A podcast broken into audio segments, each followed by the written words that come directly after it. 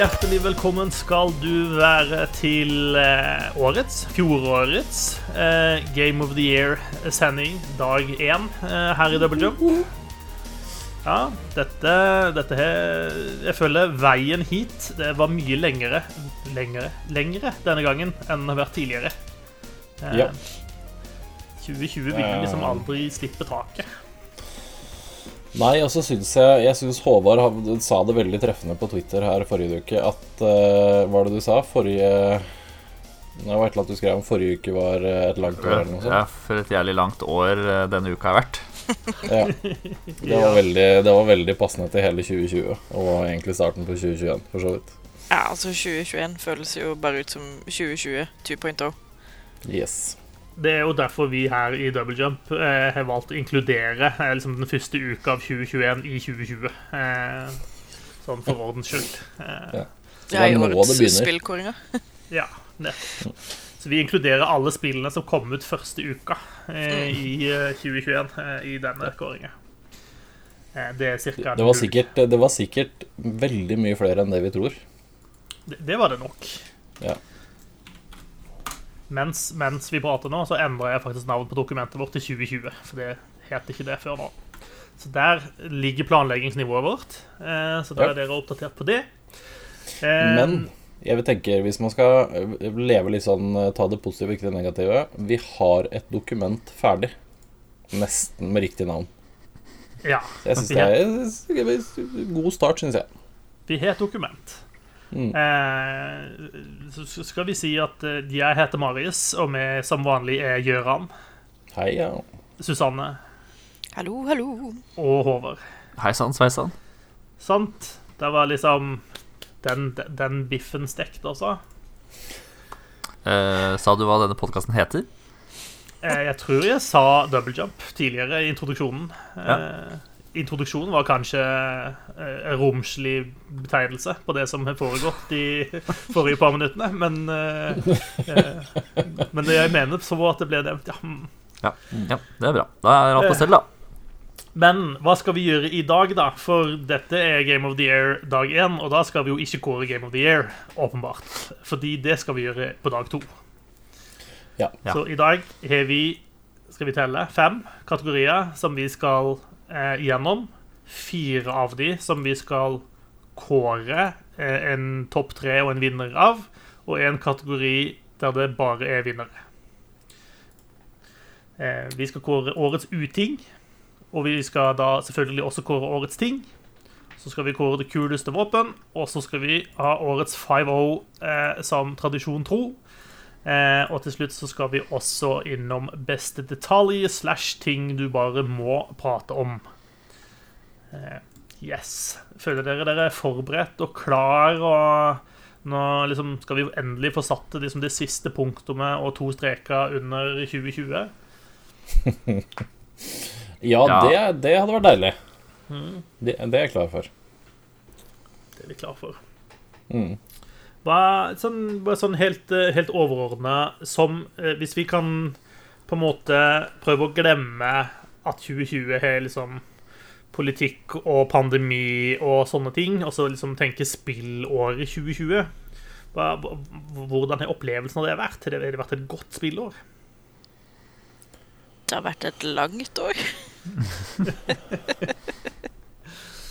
Ja, jeg, jeg, jeg kan bifalle den, for det er litt sånn når man begynte å gå tilbake og se på spillene som kom i 2020, så var det litt sånn Nei, nei, nei. nei Det der er tull. Det kom ikke i 2020, vet du. Det kom i 2018, typ. Men jo da, det har vært et langt år. Nei, jeg syns det har vært Jeg synes det har vært mye bra, jeg. Jeg syns det. Mye Ja. rart også. Mye rot. Men eh, nei da. Ja, det, har vært, det har vært spill å kose seg med gjennom året, syns jeg. Ja, Vi har jo fått noen nye konsoller også, tross alt. Eh, jo, Ja, alle, alle Noen 17. av oss Noen av oss har fått nye konsoller. Og andre sitter fortsatt på venteliste.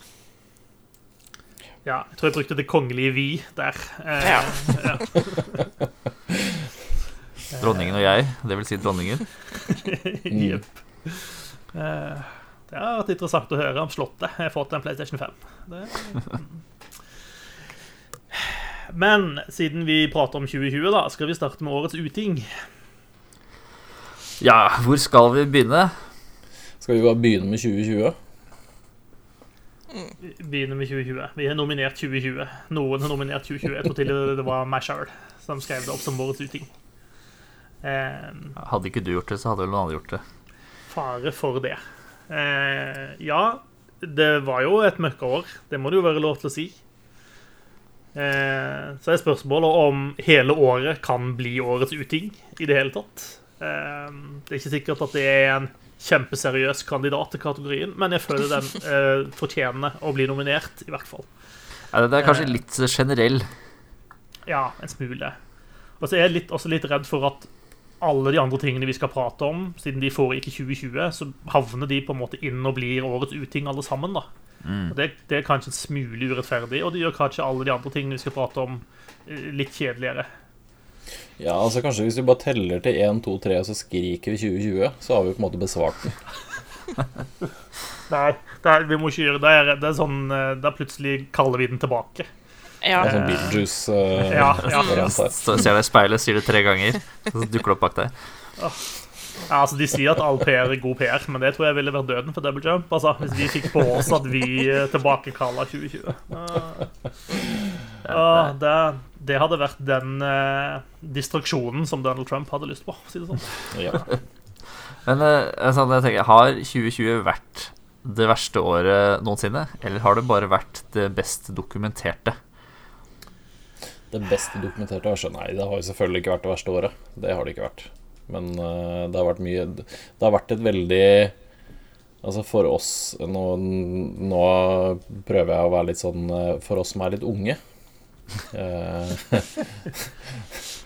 Så har ikke Det er ikke så mange av oss som har opplevd den type sånn verdenskrise som det det har vært i 2020. For det har det jo vært. Det har jo vært Og det har liksom ikke vært Det har ikke vært eh, bare krig i Irak, eller det har ikke vært Altså, det har ikke vært sentrert et sted som vi kan distansere oss fra. Nå har det liksom vært Hele verden har vært med på en en veldig spesiell tid. Jeg tror det liksom Det er vel det rareste med 2020. Altså Donald Trump var, eh, var med i 2019 og 2018, og han var like dust da. Eh, og folk var også like duste da. Men pga. den pandemien så har vi fått på en måte um, All the crazies have come out på en helt annen måte, kanskje. Så har vi jo ikke hatt så mye annet å gjøre enn å sitte hjemme og se på TV og liksom få dokumentert hvor kjipt ting egentlig er. da. Ja. Og så vet jo alle at altså, hjemmekontor er ikke 8 til 4. Hjemmekontor er sånn 12 til 2. Og så bare holder du deg aktiv de resterende seks timene arbeidsdagen. Det er klart, Da har du mye tid på nettet vet du, og leter etter ting. Og så er det så mange ting som har skjedd liksom rett etter hverandre. på en måte. Starta jo liksom med disse skogbrannene i Australia, og så var det nesten tredje verdenskrig, og så var det Black Lives Matter-protestene, og så kom liksom pandemien. Eh, så det har bare gått liksom slag i slag. Det har vært veldig konstant det året her. Mm. Det er, et, et, sånn, ja, et trykk hele tida som bare ikke har sett ut til å ta noen ende. Eh, men, men, men, men ja, Håvard, som, eh, som historiker så vil jeg si at ja, vi har nok, menneskeheten har nok opplevd verre år enn 2020 sånn, totalt sett. Det tror jeg. Eh, vi har ikke, jeg si, vi har ikke blitt eh, invadert av en fremmed makt. Eh, vi har ikke hatt eh, sultkatastrofe i landet vårt. Eh, Det har ikke vært svartedauden-tendenser, selv om covid-19 har vært kjip, liksom. Sånn at, eh, ja det, Vi har ikke satt oss i båten for å ro til Danmark etter korn ennå, liksom. Sånn at uh, de, 2020 var kjip. Vi har fortsatt litt å gå på. Det kan bli verre, er det jeg sier. Ja. Og hadde vi gjort det, så hadde ingen som hadde skrevet liksom kule dikt om oss. Eller noen ting. Nei, eller om, om de hadde gjort det, så hadde du blitt fanga av britene og tatt livet av før du fikk høre om at det eksisterte uansett. Nei, altså Om noen hadde gjort det nå, så hadde det vært sånn live-tweeting underveis. Og Twitch-chat som bestemmer om du skal seile mot nord eller eh, sør, liksom. Og så hadde du sikkert blitt beskyldt for å være en sånn bad faith actor eh, leid inn av Eller jeg vet ikke, PETA. Et eller annet. Antifa. Nei, ja. Ja. Men eh, nei, det er vel Altså ja, Det er vel lov å tenke at en del av tingene som har skjedd i år, kanskje gjør at de neste årene kan bli litt bedre. Kanskje det er noen som har lært noe underveis. Kanskje verden beveger seg mot et litt bedre sted, i hvert fall. Altså, mest sannsynlig ikke, men det er lov og fint å håpe. Veldig fin tanke. Klamrer meg til det håpet. Jeg har barn som skal vokse opp i verden om 20 år. Så Ja, det er et veldig dårlig tidspunkt å få barn på. Det skulle du bare latt være. ja. Kan du, kan du putte de tilbake, eller hva? Det er, altså, jeg tror på en måte den returfristen har gått ut. Åpent kjøp og alt det der. Det, den ryker veldig fort på barn, altså. Jeg klarer aldri å holde styr på sånn hvor mange ukers abort eh, man har. jeg. Men eh, ja, det kan, kan være at det, fristen er gått ut. Jeg tror det er over for mitt, eh, mitt vedkommende, i hvert fall. Jeg tror vi har tippa den grensa der. Ja. Nei, Nei, men- 2020 var dritt, men uh, hvis man skal være litt positiv, så tenker jeg at det, det, det er, Og dette er veldig farlig å si, men det får, det får ikke blitt så mye verre, kanskje. Bank i bordet og kaste noe salt over skuldra og uh, ofre en geit til en eller annen gud. Uh, Geit er kan jeg ofre. Det, kan jeg- det kan jeg ordne. Jeg bor på landet, så det lar seg gjøre. Ja, der burde du bare finne geiter liksom vandrende rundt sånn helt tilfeldig. Ja, Hare, da. Det går for det samme. Ja, Prøv start med hare, og så se om det holder. Det var det, det som var det fine sånn i gamle Hellas og sånt. Når de skulle ofre til gudene, så hadde de eh, Det hadde de jo funnet ut da, i sin visdom, disse folkene, at gudene var jo bare interessert i alt søppelet på dyrene uansett. Så det var liksom bare innvollene og sånne ting de måtte liksom brenne og ofre til gudene. Og så kunne de sjøl feste på alt kjøttet. Så det var en veldig god deal, da. Ja, ja. Ja. Mm. Så gi beskjed hvis du skal liksom ofre geita, så blir jeg gjerne med på festen. Ja Helstekt geit. Vi Pinnekjøttlag etterpå. Oh. Høres fint ut. Men da eh, føler jeg vi har på en måte fått eh, Vi har fått renska litt, eh, så vi kan stryke 2020 fra lista. Eh, Men jeg føler det var nødvendig å ta den renskinga, rett og slett. Eh, og f ja, skal vi, skal vi ta Skal jeg lese gjennom det som står på lista, så kan vi ta det etter hvert. Eh, de nominerte til årets uting utenom 2020 da, er altså lagringsfiler. Det er pandemi. Det er folk, som er en eh, returnerende gjenganger i kategorien. Det er spill som slippes før de er ferdige. Det er Trump. Det er Tom Nook. Det er turnips som råtner. Det er scalping, og det er Games as a Service. Og så, før vi går videre, så har jeg også lyst til å si at i årets 5O-kategori så er det en ting som jeg har lyst til å flytte til årets uting. Eh, fordi noen har nominert eh, forhåndsbestillingskøen til PS5 til årets 5O. Og det kan jeg forstå, men det, jeg, jeg vil slå et slag for at den kanskje hører hjemme i årets uting. Men jeg vet ikke om den som har nominert den, har lyst til å forsvare dens eh, posisjon. Ja, det var jeg som skrev den opp. Jeg tror det er, eh, det er minst én annen person som eh, har enda nærmere kontakt med den bestillingskøen enn meg her. Eh, Men det er, det er den eneste bossen jeg ikke har slått i et spill i år. ja, samme her. Og jeg har holdt på siden august. Og får mest sannsynlig ikke bekjempa denne bossen før i mars. Så ja. Den suger, men jo da. Det er ikke, hvis man skal holde årets FIO til faktiske spillrelaterte fiender, så, så hører den hjemme i Utinget. ja. Da er vi enige. Mm. Eh, Jeg er enig i at det, det, det var en lei skurk å nedkjempe. Men vi flyttet den til årets uting. Ja. Og den er fin. Og da kan vi jo starte et sted. Da kan vi jo starte på toppen. Lagringsfiler, som eh, jeg mistenker at det var jeg som nominerte. Hvorfor det? Eh, jo, Hva hvorfor har det nå? lagringsspiller gjort deg i 2020? Jo, nå skal du høre. Eh, de har ikke blitt lagra, er vel det som er det største problemet med dem. Altså, de har ikke gjort noen ting? De har gitt inntrykk av å lagre, og så har de ikke gjort det likevel.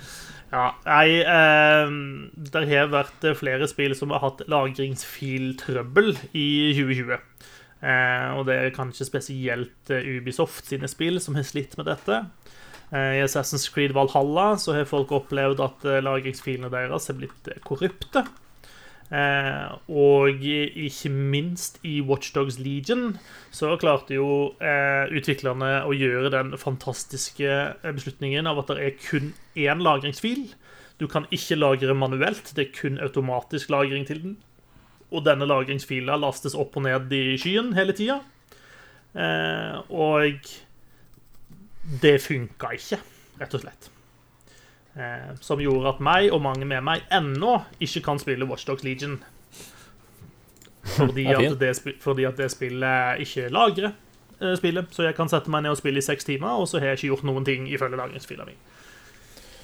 Eh, kan jeg så få skyte inn da altså at hvis lagringsfila Hvis du spiller Cyberpunk eh, 2077 på PC, lagringsfila det blir over 8 megabyte, så krasjer spillet. Så Ja. er den lagringsfila ødelagt.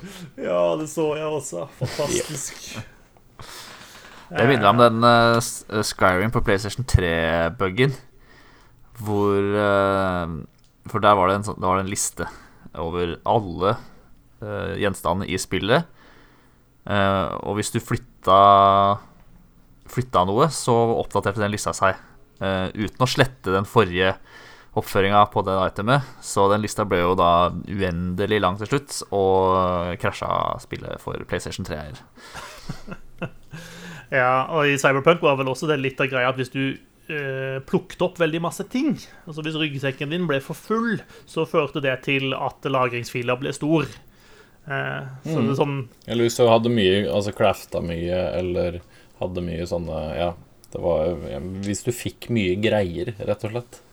Det var ikke noe sånn uh, Og det blir jo mye greier der. i Det blir mye greier, da. Det gjør det. Og så er ikke menysystemet så gøyalt at det er noe du har lyst til å drive og rydde opp i heller. Og det å drive og selge ting derfra syns jeg bare er litt sånn hassle. I hvert fall de der eh, Alt det du plukker opp av liksom mat og drikke og sånne ting. Gud bedre lang tid det tar å kvitte seg med de greiene som du ikke vil ha. Og så må du i tillegg leve i sånn konstant frykt for at å gud, hvis jeg plukker opp de fem tingene nå, så ryker sikkert lagringsfila mi. Uh. Ja, nei, jeg, jeg syns, eh, jeg syns lagringsfiler er en god nominert eh, i år, altså. Uh, Ja. Men alternativet er jo å starte spill helt på nytt hver gang, da. Er ikke det litt gøy? Så blir det som en slags uh, rogelike. Som i gode gamle dager med Nes. Ikke fordi du må jo begynne på nytt i Watch Dogs Legions da, hver gang. Så det er jo sånn the Ja. Ness experience. Jeg må, jeg må faktisk ikke starte på nytt. Den, den, den, den har liksom fått med seg at tutorialen er gjort. Ja, men det, er- det er digg, det. etter tutorialen. Ja.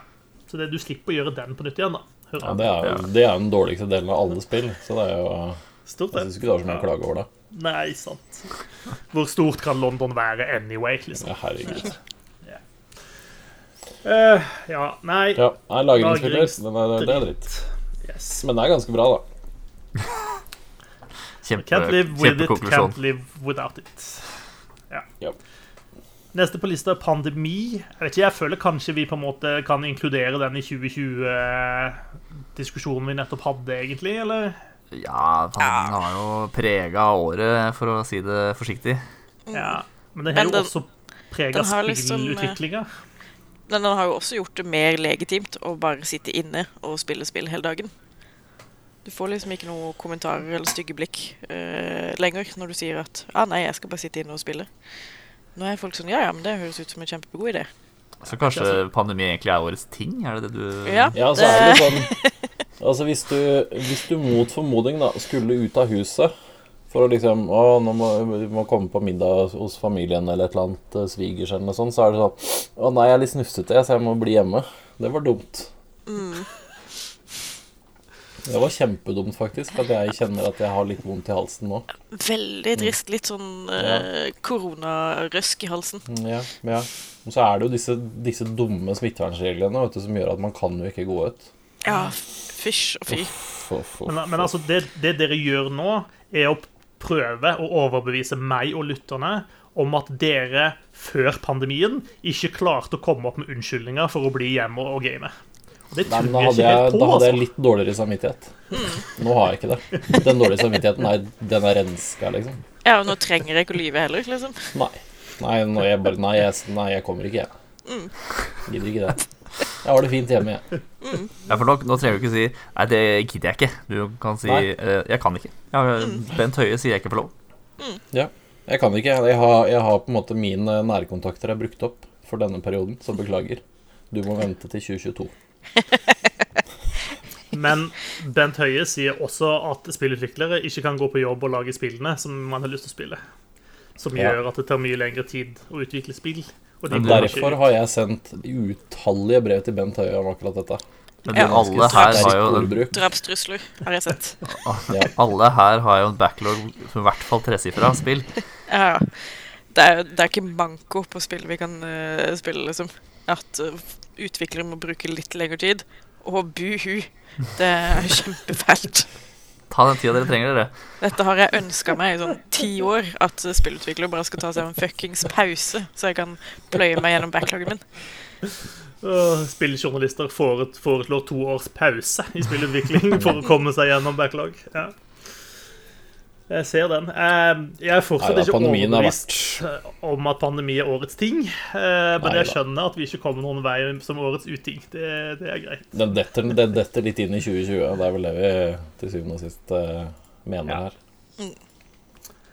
Eh, Folk føler jeg eh, har vært eh, på en måte både stabilt kjipe i 2020, men samtidig klart å liksom eskalere eh, mot slutten. Folk er jo Ja. den soleklare vinneren år etter år. Ja.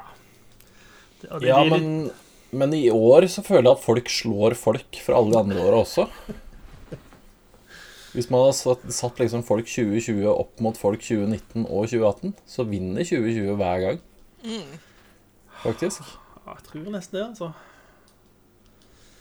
For det har vært eh, Ja. Det, det har vært dritt i år, altså. Hvordan, okay, hvordan klarer folk å bli eh, eksponentielt kjipere for hvert år? da? Nå har, de jo, nå har de jo hatt mer tid til å sitte foran PC-en og spy ut alt rælet sitt også, da. Så det er jo kanskje en eh, bidragsfaktor til at folk er verre i år. Ja, men en del av disse som, som tidligere satt inne og spydde ut, har jo funnet ut at den beste måten å være rævhull på, er å gå rundt ute uten maske på isteden. Eh, Og så stormer litt parlament og sånn innimellom. Ja, ja, ja. Litt sånn hobbystorming. Det må jo være lov. Altså Gå og sleike på appelsiner i matbutikker er jo en helt vanlig ting å gjøre, det. Altså, Hvem gjør ikke det, liksom? Ja. Nei, jeg syns uh, Altså, det er jo uh, Som et resultat av 2020 og pandemien, så har folk blitt verre. Syns jeg. Det er sånn derre buhu, stakkars meg, jeg får ikke dra på hytta mi. Da må jeg saksøke eh, Bent Høie. Åh, det var den greia der. Det hadde jeg Ja trengt, fortrengt. Den der med Ja, altså, det har, det har vært så mye greier. Folk dør ja, hele tiden, og så skal jeg ikke få lov til å dra på hytta mi bare fordi folk Ja. dør litt ekstra. Det er vel ikke så farlig, det er jo bare de gamle som dør. ja. Mm. Ja. I Sverige får de lov å dra på hytta, så da må jeg få lov, altså. Svenskevitsen har jo skrevet seg sjøl i år, da. Så Så jeg må i hvert fall få lov til å, å dra på hytta i Sverige. Det er i hvert fall det viktigste. Ja. Ja, ja, altså, jeg, da, altså, jeg må jo få lov til å kjøpe sju brett med Pepsi Max på, på grensa. For jeg har jo ikke råd til å kjøpe sju brett med Pepsi Max i Norge. Det er blitt så dyrt, vet du. Sukkeravgiften og alt sånt. Det er blitt så dyrt med Pepsi Max. Ja. Ja. Sånne folk skal du få jævlig billig av meg. Og de har vi fått blitt eksponert for på en helt annen måte. Skulle få det like billig som i Sverige, si. Nei. Nei, Nei, jeg veit ikke. Vi har, vi har ennå til gode å kåre folk som en vinner. Men jeg føler kanskje at 2020 så burde den stå litt til, i hvert fall. Jeg tror det, blir- det, er, det blir for eh, latskap vet du, å kåre folk som vinner hvert år. Ja, Jeg tror det er litt det. derfor vi unngår det, sjøl om det er Ja. vel fortjent. Ja. Hver gang. Er, er det noe som er verre enn folk i år? Det er det jo Det kan jo umulig være. Nei, men det er ikke noe som er verre enn folk noen år, føler jeg. Det, det, de har en, eh, de har et fortrinn eh, i årets uting, rett og slett. Ja. Det er jo det er jo én stykk folk da som jeg tenker skiller seg ut i mengden i 2020. Og for så vidt 2019 og 2018 og 2017 og 2016. Men eh, vedkommende har kanskje pika. Uh, 20, Ja. Eller egentlig pika i 2021, jeg vet ikke helt. Jeg tenker kanskje på Donald Trump, som står litt lenger ned på lista her. Ja, Skal vi trekke han inn i diskusjonen også? Han er også nominert til Årets uting. Og det tenker jeg også det er god, god grunn til.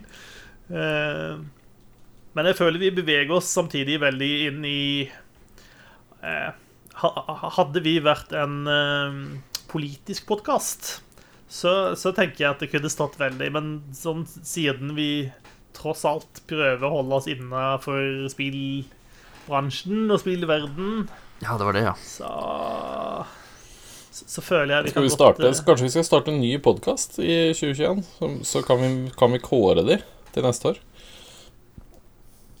Ja. Nei da, jeg er enig i det. Altså, vi har vel fått sagt hva vi egentlig mener om både folk og Trump. Ja. Det er noe dritt. Og så kan vi, vi kan sikkert prøve å kåre noen spillting som årets uting, men la det være hørt at folk og Trump er verre enn spillting. Ja, Det kan vi være enig i. Prøv å være litt bedre i 2021. Yes. Ja. Alle sammen, uansett hvor uh, snill eller slem du er. Men Kardemommebyloven, er er det der den er fra? Kalte du, kalte du det Mommeby? Kardemommebyloven? Ja. Eh, Du skal ikke plage andre, du skal være grei og snill, og for øvrig kan du gjøre som du vil. Den er, den, den er ikke så dum, altså. Det er en greit utgangspunkt, tenker jeg. ja. God sånn er tommelfingerregel. Ja. Sånn eks ekstremliberalistisk eh, levesett, da. Men, eh, Jo, men jo, sure. men Eh, begynn et sted, i hvert fall. Og så kan man heller jobbe seg ut fra det. ja, jo, jeg, jeg er for så vidt det. Eh, hvis vi da skal se på de tingene som er litt mer spillrelatert, da, så har vi eh, også spill som slippes før de er ferdige. Det er en uting. Det kan vi jo for så vidt være enig i. Men det er jo en uting fordi det er folk som klager over at spillet ikke er kommet ut, ennå, og sender drapstrusler til utviklerne, så de er nødt til å eventuelt gi ut spillet før det er ferdig. Nei, der, der må faktisk eh, spillutviklerne være såpass eh, iherdige at de må, de må skjønne, skjønne at eh, vi kan ikke gi ut spillene før de er ferdig sjøl, om vi får disse drapstruslene. Vil jeg mene. Og så mener jeg at de skal ikke få drapstrusler, fordi folk må skjerpe seg. Men det er en annen diskusjon. Den har vi akkurat tatt. Ja. Men jeg, jeg tenker den altså Spill som slippes før de er ferdige, det, altså det er flere elementer i dette. da Altså Du har spill som åpenbart ikke er liksom bug-sjekka nok. da eh, Det være seg eh, Cyberpunk, for eksempel, som åpenbart ikke var klar til slipp når det ble sluppet. Eh, men du har også spill sånn som Baldur's Gate 3, som jeg fortsatt ikke har skjønt hvorfor det spillet er sluppet, når det er veldig langt fra å være ferdig. Eh, Nei. Det er to veldig forskjellige måter å være ferdig på. Ja. Akkurat de der. Mm. To forskjellige måter å ikke være ferdig på. Ja, sorry. Mm. Det er helt riktig. Eh, jeg syns begge er en uting, for å være helt ærlig. Og det er litt sånn eh, Vi har jo diskutert flere år liksom denne sånn early access-type måten å slippe spill på. Og jeg har forståelse for at liksom, noen spill så er det OK, vi er et eh, vi er et lite team, vi har ikke noe særlig med, eh, med likviditet i vårt selskap. Vi har behov for å ha penger inn underveis i utviklingen for å kunne betale lønn til folkene våre. Da skjønner jeg at det med liksom early access og, og prøve å bygge liksom community og sånn rundt det mens man utvikler, at det er en, en attraktiv vei å gå. Det kan jeg ha forståelse for, men for et så stort spill som, som Baldur's Gate, og et sånt stort utviklerstudio som Larian er, med store eh, store backere bak seg, så, så gir det der ingen mening for meg. Eh, og likeledes med spill som slippes med masse, masse bugs som bare Ja. Jeg, jeg, det, det, noen må jo bare ha drept de på draget. Ellers er det sånn ekstremt kyniske økonomiske hensyn som gjøres i et eller annet sted der. I, i den beslutningslinja som, som er definitivt en uting. Definitivt en uting. Yes. Om det er den ene eller andre motivasjonen bak. Mm. Ja. Det går ikke an å være uenig her. Turnips som råtne. Ja, det kan dra til helvete. Wow. Ja, men jeg, jeg er enig i det, eh, men det er jo ofte Det er jo er din bare egen å- feil, på en måte, da. Ja, det er jo bare å selge de. Ja ja, men eh, det står Åh, nå skal katta mi Så hørte du? Nå ble katta mi sint òg fordi jeg sa det. Kjør, du? Um, Gi litt kontekst, da. det står ingen steder at turnips råtner når man kjøper de. Jeg skjønner at dette er et spill. Jeg skjønner at det er en frukt. Grønnsak. Hva er en turnips, egentlig? Det er Er det frukt eller er grønnsak, Rotgrønnsak. Rotgrønnsak. Rotgrønnsak. Ja. Heter? Jeg veit ikke. Jeg har aldri brukt turnips i noe. En slags Men i hvert fall, jeg, eh, eh, fancy potet. Ja. Ne en nepe slag, kanskje? En nepe. Eh, jeg kjøpte. Jeg kjøpte på Animal Crossing, da. Så kjøpte jeg Investerte i, i en hel haug. Det var et helt rom med turnips.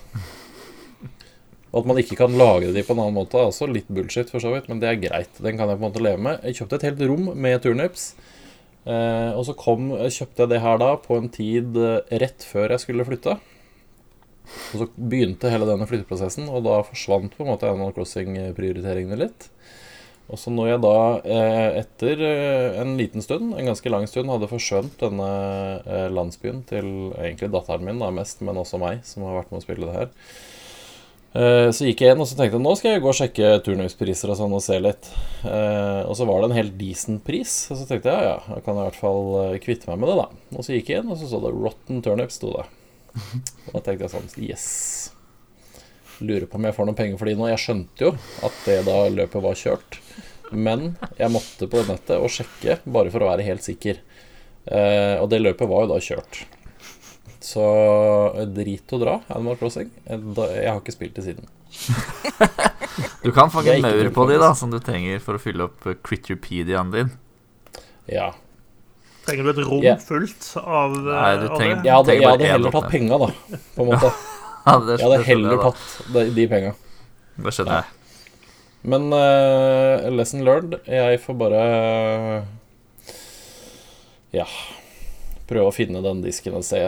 Jeg tror jeg kasta den, kanskje. Jeg vet ikke. Nei, jeg har ikke det. Men uh, de kunne ha sagt fra, på en måte. At uh, du passer på å gi de vann, eller gjør et eller annet som ikke, sånn at det ikke råtner, i hvert fall.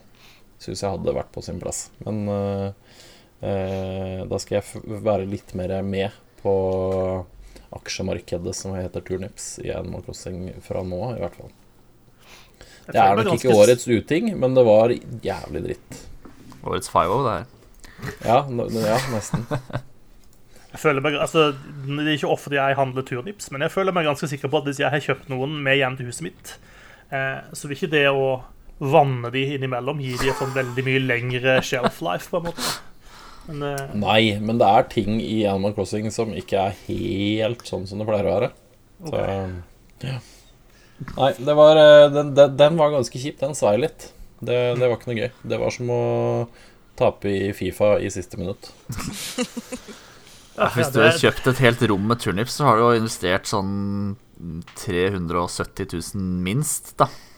Ja, jeg tror det var, jeg tror, jeg tror jeg runda 400 000, faktisk. Ja. Kommer litt an på Rett i prisen. dass. Men, men OK, eh, bare for å forstå hva du er nominert, er det, eh, er det liksom eh, digitale gjenstander som med, med best før-dato, eller er det spesifikt en turnips som råtner? Det er spesifikt den ene hendelsen jeg har nominert nå. Det er kun isolert sett den ene opplevelsen jeg fikk når jeg Ja. gikk inn og så sa jeg Rotten Turnips. Altså, Den følelsen. en kjeller full av turnips som råtner i det virkelige liv, er ganske kjipt, det òg. Ja, det hadde hadde heller ikke vært noe gøy. Nei, så jeg syns det er en verdig nominasjon. Og blåst deg helt årslønn på det òg, så er det Ja, ekstra bittert. Yes. Nei, er, det er en god nominasjon. Jeg er enig i det. Um, og så har vi to Vi har to som jeg føler henger litt sammen her nå. For vi har scalping, og vi har forhåndsbestillingskøen til PS5. Uh, og Vi kan i hvert fall diskutere de sånn litt samtidig, da. Ehm, Jeg syns alle Og- scalpere burde giljotineres. Ja. Altså, de kunne godt ha blitt plassert i en kjeller og råtna. Ja, Og Da hadde jeg ikke blitt lei meg. sammen med masse turnips. Som de må spise for å overleve. Eh, de har jo sjøl vært ute og påminnet oss om at ja, men de er jo også bare mennesker som trenger å brødfø familiene sine. Ja, fuck off. Det er liksom bedre måte du kan gjøre det på. Ja, stort sett er de der. Eh, Du kjøper mat, så du kan ikke spise den PlayStation 5. det, det, det er riktig. Um, don't try that at home. Um, men ja, vi har fått nye konsoller i år. Xbox og PlayStation. Og det har vært vrient å få tak i de av flere årsaker. En av årsakene er at man har organiserte hva, er, hva heter det på norsk? Scalpinggruppe? Hva, hva kaller vi det på norsk? Skalperingsgrupper. Nei, det tror jeg ikke noe på. Jo, jo, jo. Hallo, hvem av oss er det som har jobba i tolv år som oversetter? Hm? Er det det? Er det det? Nei. Nei, det er faktisk ikke det. Tenker Det er i hvert fall trygt å kalle de skurker. Skurker, ja, greit.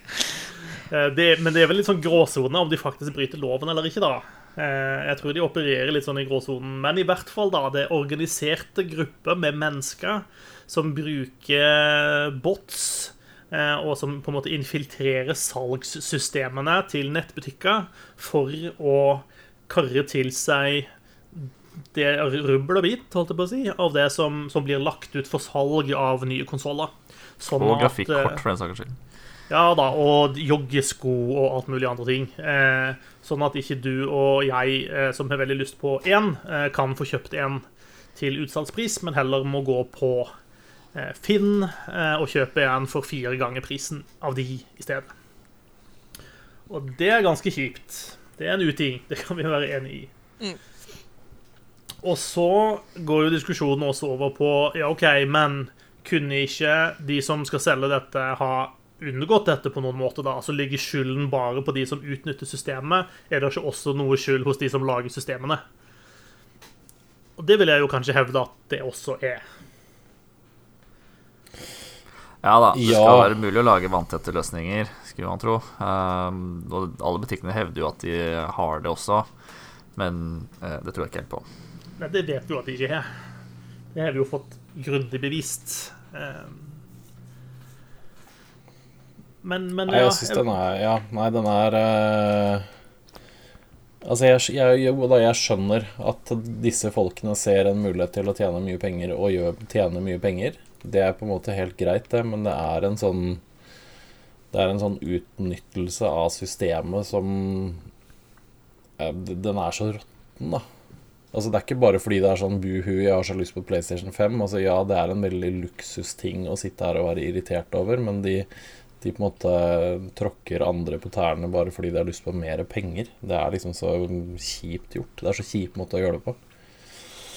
Altså sånn er jo på en måte businessverden da. Det er, ikke, det er ikke unikt til PlayStation 5 eller joggesko eller noen ting. Altså sånn er jo Altså business eller forretninger eller økonomi eller noe. Når man kommer opp til et visst nivå, så er det sånn du, du tråkker andre på tærne for å komme deg frem sjøl, og det er jævlig ukult. Men det er ikke, det er ikke noe unikt her.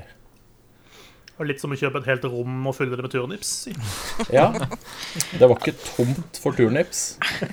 Men det er, det er liksom Det er scalping-tendenser når du holder på sånn, vil jeg påstå. Så kanskje straffen din er at alle turnipsene dine råtner. Så, så straffen Ja, ja, det hadde til, til andre scalpere er at de sitter med et lager fullt av PS5s eller Xbox uh, 6s, og så blir de doxa, og så blir de fratatt alle, alle tingene. Men er det ikke Ja. hun lille grisen som selger turnips i Animal Crossing, som er scalperen, da? Det er ikke noen annen måte å få turnips på. Nei, det er hun som er det. Det er hun som er har Men det er jo litt sånn altså vi eh, Det er jo vi, vi som sitter som forbrukere som Uh, muliggjør scalpingen. For hvis ingen hadde giddet å kjøpt det til noe mer enn det de kjøpte det for, så hadde det ikke blitt noe scalping til å begynne med. Jeg tar det- null skyld for scalping. Det du sier, er at det er folk som er årets uting. Alt Ja. knyttes tilbake til folk hver gang. Ja, det gjør det. Alltid til folk. Men jeg syns, Men er- syns dere, dere beveger dere litt langt i retning av å inkludere oss undertegnede her i folk. Og det vil jeg ta sterk avstand fra. Nei, men Det er vel ingen her som har betalt mer for uh, konsollen sin enn utsalgspris i en butikk. Tror du ikke det? Nei, jeg er vel Har du, Susanne? Nei, jeg har jo ikke noe konsoll. Nei, altså det er jo nettopp det. Da, sit- da sitter vi her, da. Uten. Nei, nettopp. Vi, er, vi, vi er, ikke, er ikke idioter. Nei. Eller Jeg syns jo det er litt sånn. Det blir litt Det blir litt for dumt og liksom sånn Ja, ja, det var dumt at alle de kjøpte 250 PlayStation, men greit, da, jeg kjøper en til 10 000 kroner, for jeg har så lyst på den. Mm. Altså, Da muliggjør man jo scalpingen. Hadde man bare sagt at det, nei, men da venter jeg heller. Da hadde jo de folka sittet der da med 100 PlayStation og ikke gjort en dritt. Jeg Jo, håper det er men- mange som brenner inn i altså. 100 PlayStation. Men, Men systemet er jo også Altså, dette handler jo om hvor mye penger du har. Sant? Ja, det gjør det. Har du et rom fullt av uh, penger istedenfor turnips, eh, så, så driter du i om du betaler 10 eller 20 000 for PlayStation 5. Du vet at PlayStation 5 er kommet. Den har du lyst på, og du har sikkert lyst på en til de kidsa dine også. Da kjøper du den, og har du så masse penger, så gjør det ikke noe forskjell. De det går utover, de som ikke har 20 000 og bare slenger ut, og, og, og trenger å kjøpe den til utsalgspris, og kanskje til og med til på avbetaling, liksom, for å ha råd til å, å få den. Så, Mm. så, så, så det Det er kjipe folk, da. som gjør det. Det er det uansett. Uansett om man muliggjør det eller ikke. Ja, men så er på en måte et annet element inni hele dette opplegget her, da, er jo også eh, produsentene Microsoft, og kanskje spesielt Sony, da, som hadde veldig rotete launch i utgangspunktet. Der de kom med veldig lite informasjon til utsalgsstedene, og så var det kanskje en del utsalgssteder som ikke eh, opererte på en best mulig måte, de heller. Sånn at man endte opp med å gi et inntrykk av at den og den datoen så kan man kjøpe sånn og sånn. Så folk får la inn forhåndsbestillingene sine med en gang for å sikre at de fikk dette. Og så kommer det kontrabeskjed lenge etterpå at eh, nei, forresten, du, vi får ikke tak i sånne ting likevel. Um, Ja. og der ligger det jo en del skyld definitivt hos, hos Sony og eh, delvis også hos, hos Microsoft. Ja, jeg, jeg syns definitivt Sony Eller jeg vet ikke om det er så Jeg vet ikke helt hvor det er Sony, eller om det er eh, nettbutikkene sin skyld, ja. men at man bestiller en, en eh, forhåndsbestiller en PlayStation 5 typ fire minutter etter at forhåndsbestillingen er åpen, og så er det sånn Sorry, men du får den ikke før i da tidligst mars. Det er jo Det er Det er jo noe som har skåret seg her. Det er dårlig håndtert. Veldig, veldig dårlig håndtert. Når de åpner uh, The Floodgates, som det heter på nynorsk. uh, bare kom og bestill hos oss. Ja, vet dere hvor mange dere får da? Nei da, men det går fint. Bare bestill hos oss. Vi får sikkert nok. Med Jo, og det kan- stunder. Ja, det, ja, men hadde man gjort det, så hadde det vært én ting. Problemet er at de setter jo en dato. De sier jo at Ja. forventa inn sånn og sånn. Og da tror jo folk at da kommer det den datoen. Hadde altså, en de sagt liten sånn omformulering ikke, til ja, så hadde de sagt vi har ikke anelse hvor mange vi får, når vi får Kan være du må vente til neste år, hvem vet? Vi selger det ut i køen i den rekkefølgen folk legger inn. OK, da, da vet du det, da, at når jeg legger inn en, eh, en forhåndsbestilling her, så har jeg ingen garanti for når jeg får det. Problemet er jo at masse nettbutikker har jo gått ut og gitt en sånn dato. Sagt at bestiller du sånn og sånn, så får du da og da. Og så viser det seg at til og med noen av disse butikkene har jo ikke hatt en avtale eller fått en eneste spillkonsoll å selge engang. Altså, de har prøvd, de har solgt forhåndsbestillinger til produkt de ikke har i butikken, og ikke får inn i butikken. Det er jo helt krise. Det er helt krise Ja. Å, fy fader, altså. Men, det har vært, men altså Hele den konsoll-launchen har, den har jo blitt Den har jo blitt til dels ødelagt av de greiene her. Det har på en måte blitt eh, veldig mye mer eh, rot og klaging enn det hadde trengt å være. For det er jo Maskinvaren de har lagd, er jo veldig, veldig bra. Det er veldig mye kult med de nye konsollene. Og det er, de er Du skal blåse bra mye penger på en PC for å få samme type eh, kvalitet, da. Men det forsvinner litt i at folk sitter sånn som vi gjør nå og sier at 'herregud, så dumme dere var', som ikke greide å gjøre det på en bedre måte. For det er det som liksom er litt fokuset nå. Det er veldig synd. enig. Så, nei, jeg vet ikke. Man kan, kan kanskje prøve å slå sammen eh, scalpers og forhåndsbestilling og alt mulig sånn til en type konsoll-launch eller rot eller et eller annet sånt. Fordi Eller- det Bare Das Kapitalismus. Ja, kapitalisme. Mm. Mm. Det er det årets uting. Ja. Ikke bare årets uting, kanskje. Konsollanseringstrøbbel, skriver jeg. Ja. Det vil det som sanne betegnelse.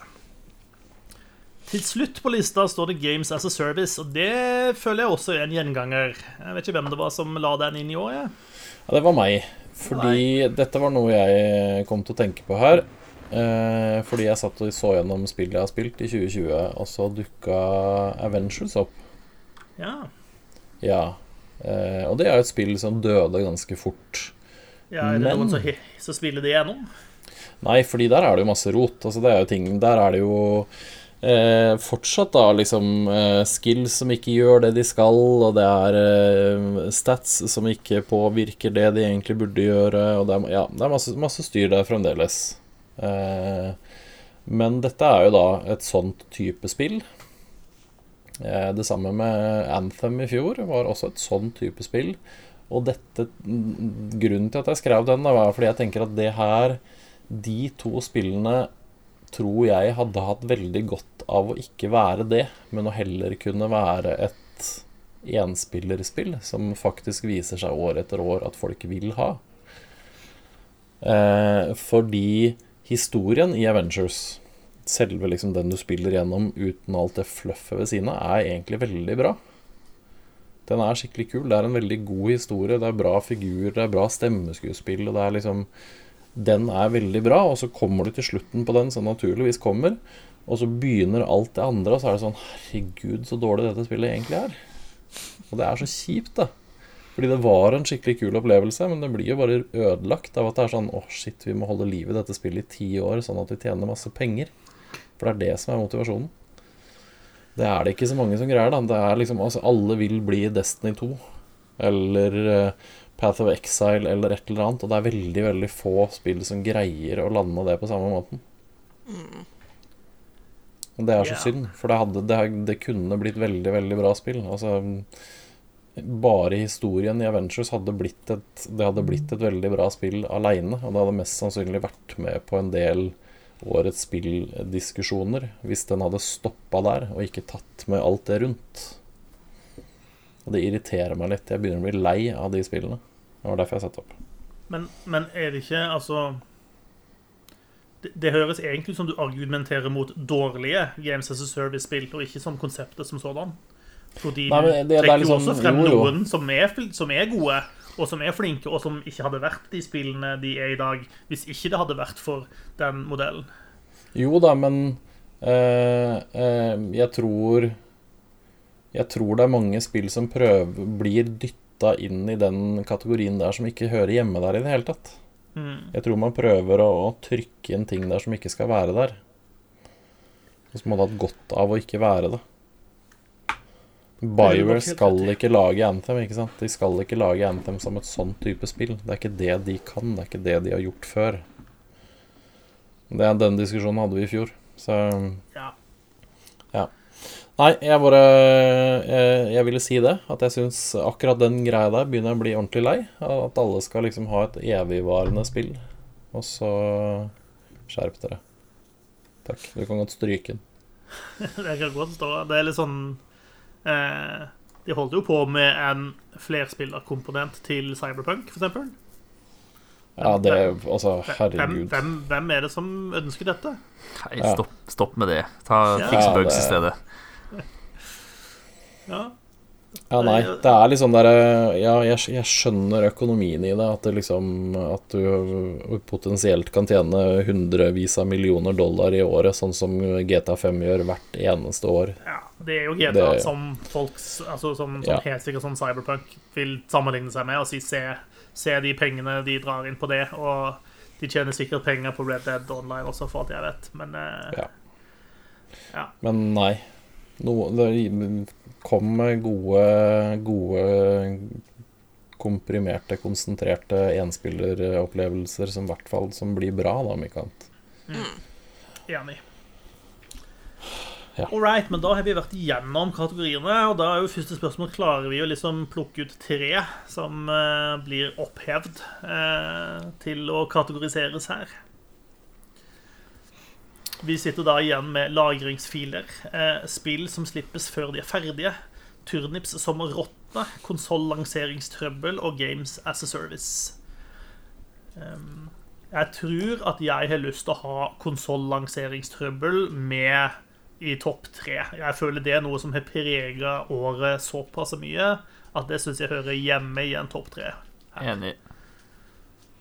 Ja, definitivt. Eh, Topp tre for meg er uh, konsollanseringstrøbbel, Games as a Service uh, og spill som slippes før de er ferdig. Kanskje spill som slippes før de er ferdig før Games as a Service, faktisk. Ja, for min del så blir det spill som slippes før de er ferdig, konsollanseringstrøbbel og Si turnips der, vet du vil. turnips. turnips. Da skulle jeg akkurat spørre om vi kunne stryke turnipsen. Eh, Ja, greit, stryk turnipsen, siden det er tross alt bare én av oss som har hatt noe særlig problemer med akkurat det. Ja. det da. Et rom fullt av turnus må også være sånn constant reminder.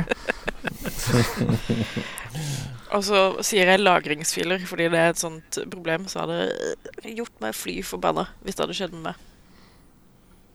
ja. Ja, jeg er egentlig enig der, altså. Jeg synes, jeg synes, altså Konsollene syns jeg på en måte tar kaka, og så syns jeg spill som slippes før de er ferdig, og lagringsfil er en god nummer eh, to. ja. Jeg er enig i de tre, i hvert fall, som Mm. topp tre. Da høres ut som Games as a Service uh, ryker. Mm. Uh, kan ikke du være litt sekretær, Håvard? Her du er så mye flinkere enn meg. Jeg, Flytter rundt på ting inn i dokumentet vårt. Det kan jeg være. Uh, ble vi enige om Hvem, hvem vant? Ble vi enige om at konsollanseringstrøbbel den, den tar kaka i år? Ja, det syns jeg. Det er årets uting. Mm. Ja. ja bif- Bifalles.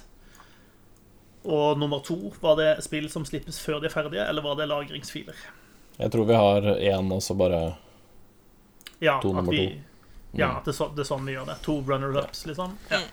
Det tror jeg Mye lettere, i hvert fall, hvis du gjør det sånn. Ja, jeg er enig. Ja. Det er en god måte å gjøre det på. Gratulerer til årets uting, eh, konsollanseringstrøbbel. Eh, Den går til både konsollprodusentene, til de som skulle selge den, og til alle de bandittene som eh, driver og kjøper den og videreselger den for høy pris. Yes. Gratulerer. Og deilig. Tror du, tror du noen hører på dette og tenker at nå skal jeg change my ways? Nå kåra til årets uting i double jump. Da, da innser de hva, de hva de har gjort. Ja, men jeg kan godt, altså Hvis noen av de har lyst, så kan jeg godt komme og si det til dem. Ja, faktisk. Hvis de er en av den typen. Det, det er greit. Kom og fylle huset deres med råtten turnips. Jepp. Jeg har nok å hente. Yes. All right, hvor, hvor, hvor vil dere hen nå? Hvilken kategori skal vi kaste oss videre på? Er det ikke naturlig å følge opp årets uting med årets ting, da? Ja. Gå fra noe kjipt til noe mer hyggelig. Mm. Det kan vi godt gjøre. Jeg har ikke sett den første nominasjonen før nå. Jeg synes det var veldig morsomt. Ja. Det, det, det er jeg som har nominert den første tingen til årets ting, og den første nominasjonen er absolutt ingenting. Ingenting bra skjedde i 2020. Det kan være at jeg var en smule eh, sånn i, i liksom en, en, nede i en dal akkurat når jeg nominerte den tingen. Eh, det kan være. Det er misantropen i deg som, eh, Ja. som fikk komme ut. Jeg synes, eh, jeg, jeg synes det i hvert fall hører hjemme å ha en diskusjon om det egentlig er noen ting som fortjener å være årets ting i 2020. Eh, og egentlig om det er det en hedersbetegnelse å være årets ting i 2020 i det hele tatt. Men så tenkte jeg meg litt mer om, og så nominerte jeg noe annet. Og så så jeg at det var flere som nominerte andre ting som jeg egentlig syns er OK. Så derfor kan jeg godt trekke absolutt ingenting. Men I meant it at the time. Yes. Lista ligger lavt, da, eh, for å liksom være, være en bra ting i 2020. Ja. Men samtidig, da, så eh, Når vi alle er enige om at 2020 var så dritt som det var, så setter vi kanskje ekstra mer pris på de tingene som faktisk var ålreit, da. Eh, og vi trengte de kanskje ekstra mye i 2020. Så hvis vi snur, snur litt rundt på det, så eh, eh, Så var det bra at det var noen ting som eh, var mindre kjipt enn andre ting i, i 2020. Ja. Eh, og den neste tingen som jeg sjøl har nominert, er dyr i dataspill. Eh, fordi det er jo ikke noe nytt at det dukker opp eh, dyr i dataspill. Det har man jo hatt i mange år. Men jeg føler vi er liksom inne i en sånn Vi er kommet et sted i spillutvikling der det nesten er sjølsagt at det skal være dyr i dataspill nå. Eh, og du har, jo den der Twitter- Twitter-kontoen Hva er det? Can you pet a dog? Eller noe sånt noe. Eh, og det er en sånn metadiskusjon rundt det der som jeg føler har liksom ført til at eh, det har blitt normen, da. At i dataspill så skal det være med dyr. Det gjør at i, i et spill sånn som Cyberpunk, så så kan du finne gatekatter som du kan gi mat og klappe. Eh, I et spill som Assassin's Creed så kan du rekruttere en katt til å være med på skipet ditt. Du kan få en ulv til å bo i, i landsbyen din, liksom. Eh, I Hades så kan du klappe Cerberus hver gang du har dødd, eh, og kose litt med han. Eh, disse Du tingene- skal klappe den, ikke kan. ja, ja, jeg er jo helt enig. Det er jo selvsagt obligatorisk. Uh, og i veldig mange andre spill som kom ut i år, så er det også uh, dyr som er med, og som du kan interagere med. Det syns jeg er en utelukkende positiv ting. Det er en flott utvikling i dataspill. Jeg vil ha mer dyr i dataspillene mine. Yes. Ja, så lenge man kan klappe de. Ja. Det er det viktigste. Det er jo ingenting som er så skuffende som en hund i et spill, og så kan du ikke klappe den engang.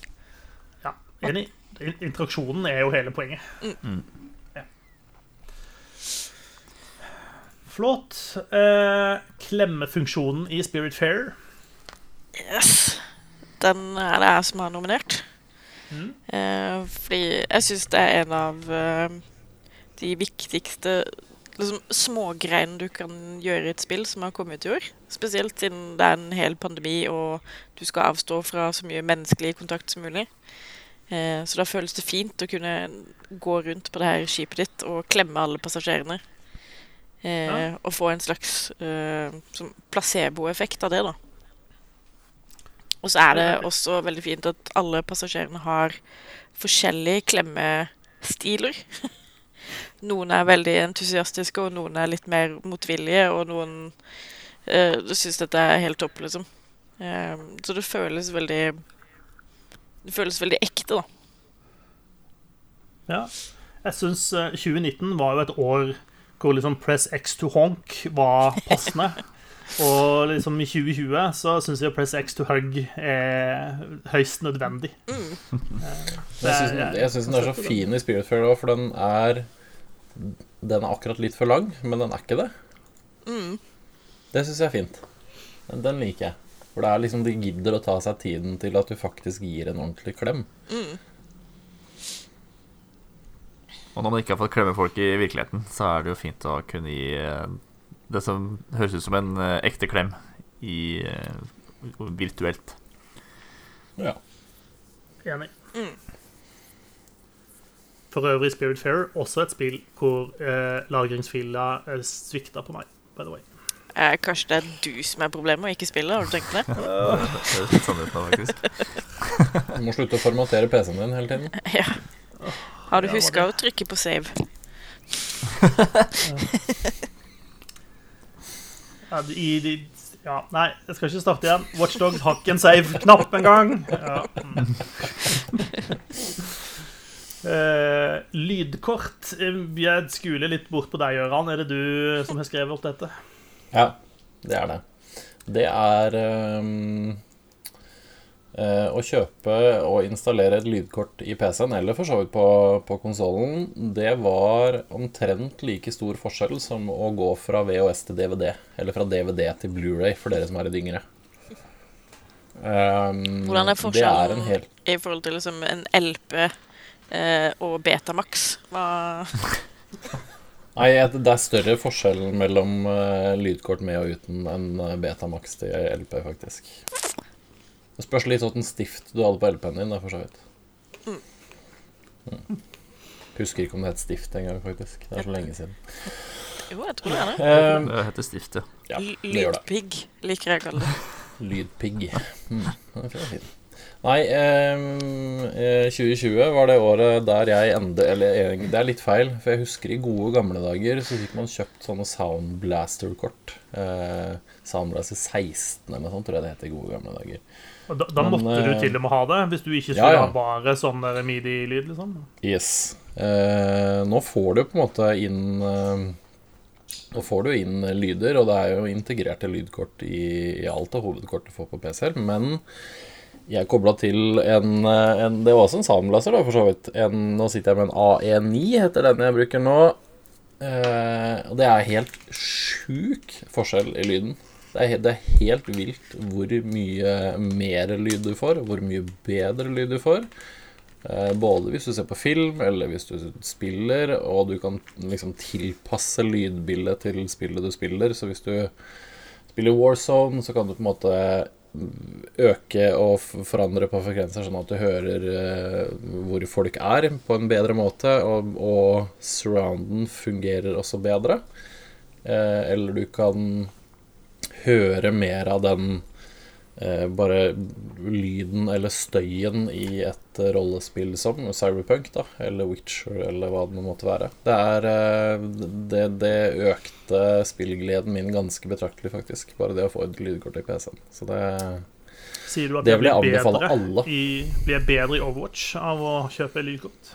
Du får mer kontroll på hvor ting er. Det er jeg ganske sikker på.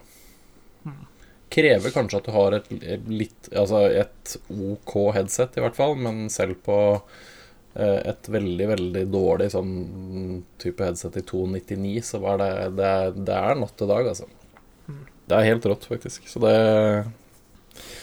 Og det funker også hvis på Jeg er litt usikker på For du får kjøpt et sånn eh, eksternt lydkort fra Soundblaster, i hvert fall. Det får du fra flere, da, men eh, som egentlig ikke koster veldig mye penger. Som heter G6. Som fungerte i hvert fall med den forrige konsollgenerasjonen. Jeg er litt usikker på hvordan det funker med PS5 og Xbox Series X. Men det, det, er, det er vel verdt å investere i det, for det var helt, helt suverent mye bedre lyd. Mm. Ja. Takk for meg. Ja. Jeg, jeg, jeg liker alt du sier. Jeg har ett innspill, og det er litt sånn Hva gjør egentlig dette til årets ting i kontra de foregående årene? Det var, bare, det var i år jeg kjøpte det. Ja. ja. Ja. Det er veldig subjektiv, eh, akkurat en er, årets altså den forskjellen Ja, den, den har selvfølgelig vært der i veldig mange år. Eh, men det var først i år jeg fikk oppleve det. Det er greit. Sosiale spill, er det noen som har nominert? Ja, og så ser jeg at det står et par linjer under, så står det 'koselig spill', og de henger egentlig sammen. Det var det jeg mente. Mm. Ja. Så den kan egentlig tas med der. Det var litt sånn når, når 2020 begynte å ordentlig, ordentlig bare eh, grave løs på den mentale helsen til folk, så, så, så var det veldig koselig med, eller veldig hyggelig med alle disse sosiale spillene, eller koselige spillene. Ja, som står her, da. Uh, Animal Crossing, Ublets, Spiritfarer eller F- Fall Guys, Among Us, alle disse spillene som har gjort at man kan være sammen selv om man ikke er sammen. De tror jeg har eh, De har gjort en forskjell for veldig mange, da. Både ung og gammel og familier og besteforeldre og alt mulig. Har liksom kunnet samle seg rundt spill sånn, på, på en måte som sikkert ikke alle hadde gjort hvis det ikke hadde vært for denne pandemien og isolasjonen og alt mulig sånn. Så det Ja, takk og lov for alle disse spillene. Ja. Vi ehm, Jeg er litt sånn jeg, føler, ja, jeg bare litt sånn lurer på om, om det egentlig er, skal slås sammen, eller om det skal være to separate ting. Jeg. Um, Altså, jeg føler jo litt at det er to separate ting. Fordi sosiale spill er jo spill man kan spille sammen med andre og samles om. Og liksom eh, være sosiale i en tid hvor man absolutt ikke skal være det. Mens koselige spill er mer sånne ting du kan sitte og pusle med på egen hånd. Eh, og bare pleie din egen eh, mentale helse, på en måte. Eh, uten at det nødvendigvis har noe interaksjon med andre mennesker å gjøre. Ja, Mm. ja det er for så vidt et godt poeng. det, Altså. Jeg tenker, tenker også kanskje at de, de begge to fortjener hver sin nominasjon, på en måte. Mm. Mm. Ja, jeg er med på den. Jeg er med på den. Ja. Hadde du Jeg noe mer, jeg- Susanne, å, å tilføye på koselige spill-kategorien? Mm. Hadde du noe mer å tilføye på koselige spill-kategorien? Ja, nei, det er bare det, Jeg syns koselige spill, uh, altså spill som ikke er voldelige eller veldig bråkete eller veldig masete, uh, har vært utrolig viktig i 2020. Det er spill med liksom begrensa fargepalett, gjerne mye pasteller med koselig og trivelig musikk som du kan sitte og høre på i timevis uten å bli sliten av det. Host! Doom Eternal. Host, host. Um, og at den har bare masse sånne små, søte funksjoner som gjør at du blir eh, glad og litt lysere til sinns av å spille, da. Sånn som klemmefunksjonen i Spiritfarer, eller eh, dance battles i, i Ublets, når du skal fange den i Ublets. Eh, eller hvor støttende da eh, Isabel i Animal Crossing er hver eneste dag. Eh, og bare det å gå rundt og, og pjatte med naboene dine og bygge kule ting og gjøre øya di fin, liksom. Eh, det har vært sånn småting som jeg aldri har satt noe særlig pris på før. Eh, fordi jeg vil bare skyte romvesener og, og denge løs på teitinger. Men akkurat i år så har jeg spilt utrolig mye mer eh, av denne typen spill, da. Og jeg tror det har veldig mye med året å gjøre og situasjonen vi er i. Um, Mm. Eh, så jeg syns de har vært veldig viktige eh, i det her året, da. Kan støtte det. Mm. Um, siste nominerte er spillere som samler inn penger til veldedighet. Ja, altså den er ikke Jeg tror kanskje den kan, kan ryke, fordi den er, ikke noe, den er ikke noe nytt i 2020. Men jeg, nå greide ikke jeg å finne den artikkelen, men det var en artikkel et sted der de liksom hadde prøvd å samle opp litt hvor mye penger som faktisk hadde blitt samlet inn, sånn røftlig, da. Og det er, det er snakk om så mange hundre millioner kroner at det var liksom verdt å nevne at eh, jo da, det er mye rart på Twitch, og det er mye, mye greier med dataspill, men det finnes veldig mange bra mennesker der ute som bruker plattformen sin på en veldig bra måte. De fortjente å være med, i hvert fall i årets ting, men det er jo ikke årets ting. Det her har jo pågått i mange år. Uh, var det en, en eller annen av disse Games Done Quick-greiene som hadde samla inn 30 millioner eller noe sånt nå? Ja, De samler AGDQ liksom? Ja, de samler inn så enormt mye penger. Det er helt fantastisk. stoppa på 2,7 millioner, eh, som er ganske mye. Og det er jo to sånne Ja. i året, så de samler inn 40-50 millioner kroner i hvert år. Og så tror jeg eh, Hva heter han svensken, da, på YouTube? PewDiePie. Yes, han hadde samla inn 9 millioner dollar eller noe sånt aleine. I løpet av året, han, liksom, til veldedighet. Ja, men jeg, men jeg synes også altså, Det er klart Dette henger jo også litt sammen med at folk har sittet veldig mye hjemme i år. Men, men ja, du har greia med sant, disse store youtuberne sånn som PewDiePie og sånn, som, eh, som, som bruker den plattformen de har, til noe som er hyggelig, som er veldig bra. Men så sitter det også veldig, veldig mange eh, ikke så kjente youtubere som har få følgere, men som allikevel sitter og kjører charity streams og prøver liksom å få samle inn 100 dollar eller 200 dollar til, til de får formål. Altså det har, Mm. det har blitt en greie i år, da. Det syns jeg. Mm.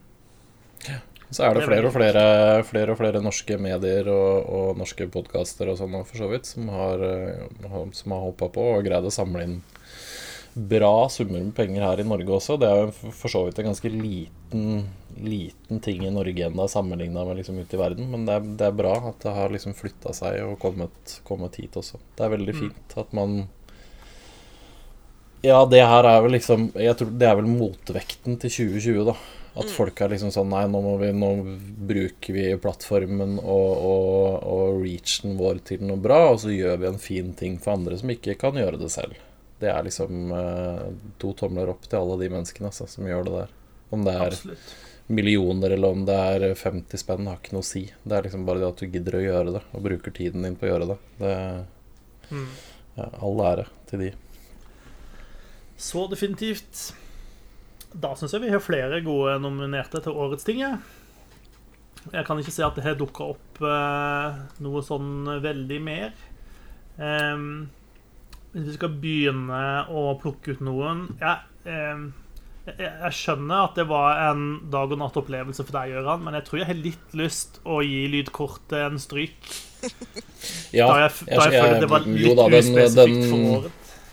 Det er greit, det. Jeg skal være med på at den ryker. Men eh, da fikk Ja. jeg sagt det. At dere må kjøpe dere lydkort. Ja. ja. Det var det egentlig det jeg ville. Jeg tror også kanskje skal man ta bort eh, klemmefunksjonen i Spiritfarer og så heller bare putte den inn under koselig spill. Og så er koselig spill en av de som er med i topp tre.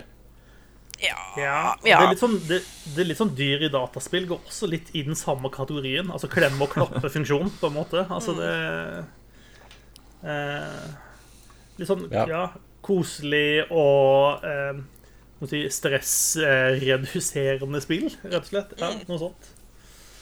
Eh, og, ikke, og ikke bare spill, men også elementer i andre spill, da.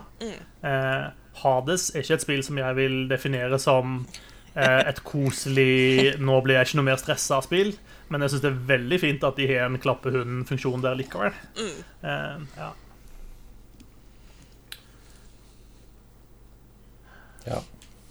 Så ender opp nå med ah, Kan ikke alle disse her bak sine én, som heter Jeg Bortsett fra å spille samle inn penger, da, til stressreduserende elementer i spill? Nei, nei det, det blir litt mye. Men, men, men, men hvis vi gjør litt det som vi sa, da, så kan vi godt stryke dyr i dataspill, og så sitter vi egentlig igjen med tre. Da har vi koselige spill og spillelementer eh, som er et kategori. Og så har vi sosiale spill, og så har vi spillere som samler inn penger til veldedighet. Da syns jeg vi har en bra topp tre for årets ting, da. Mm. Ja. Og så skal vi prøve å komme frem til hva som er årets ting. Um, Ja, det er kanskje Jeg- Spillere som samler inn penger til veldedighet, er sånn objektivt uh, best. De utgjør sånn en faktisk forskjell, da. En veldig Ja, konkret jeg- forskjell. Er enig i det. Altså kan man jo gjøre også en vurdering av hva er annerledes i år kontra tidligere år, da. Og da kan vi si at alle disse kategoriene har jo altså Folk har samla inn penger før. Det har funnes koselige spill før. Det har definitivt funnet sosiale spill før.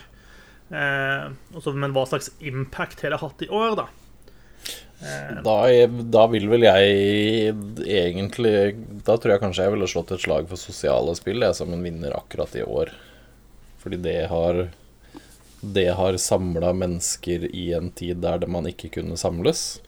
Eh, Så er det veldig vanskelig å måle det opp mot koselige spill, som har vært en sånn derre eh, sånn friperiode fra 2020, som også har vært veldig viktig å ha. Og at det ikke er For jeg også er helt enig med det Susanne sier, at det er litt sånn Det har vært veldig deilig å ha spill der man ikke skal drepe noen, eller der man ikke skal eh, oppnå noe særlig, eller der man ikke Hvis jeg går fra Animal Crossing og lar det stå på en time, så er jeg ikke død når jeg kommer tilbake igjen.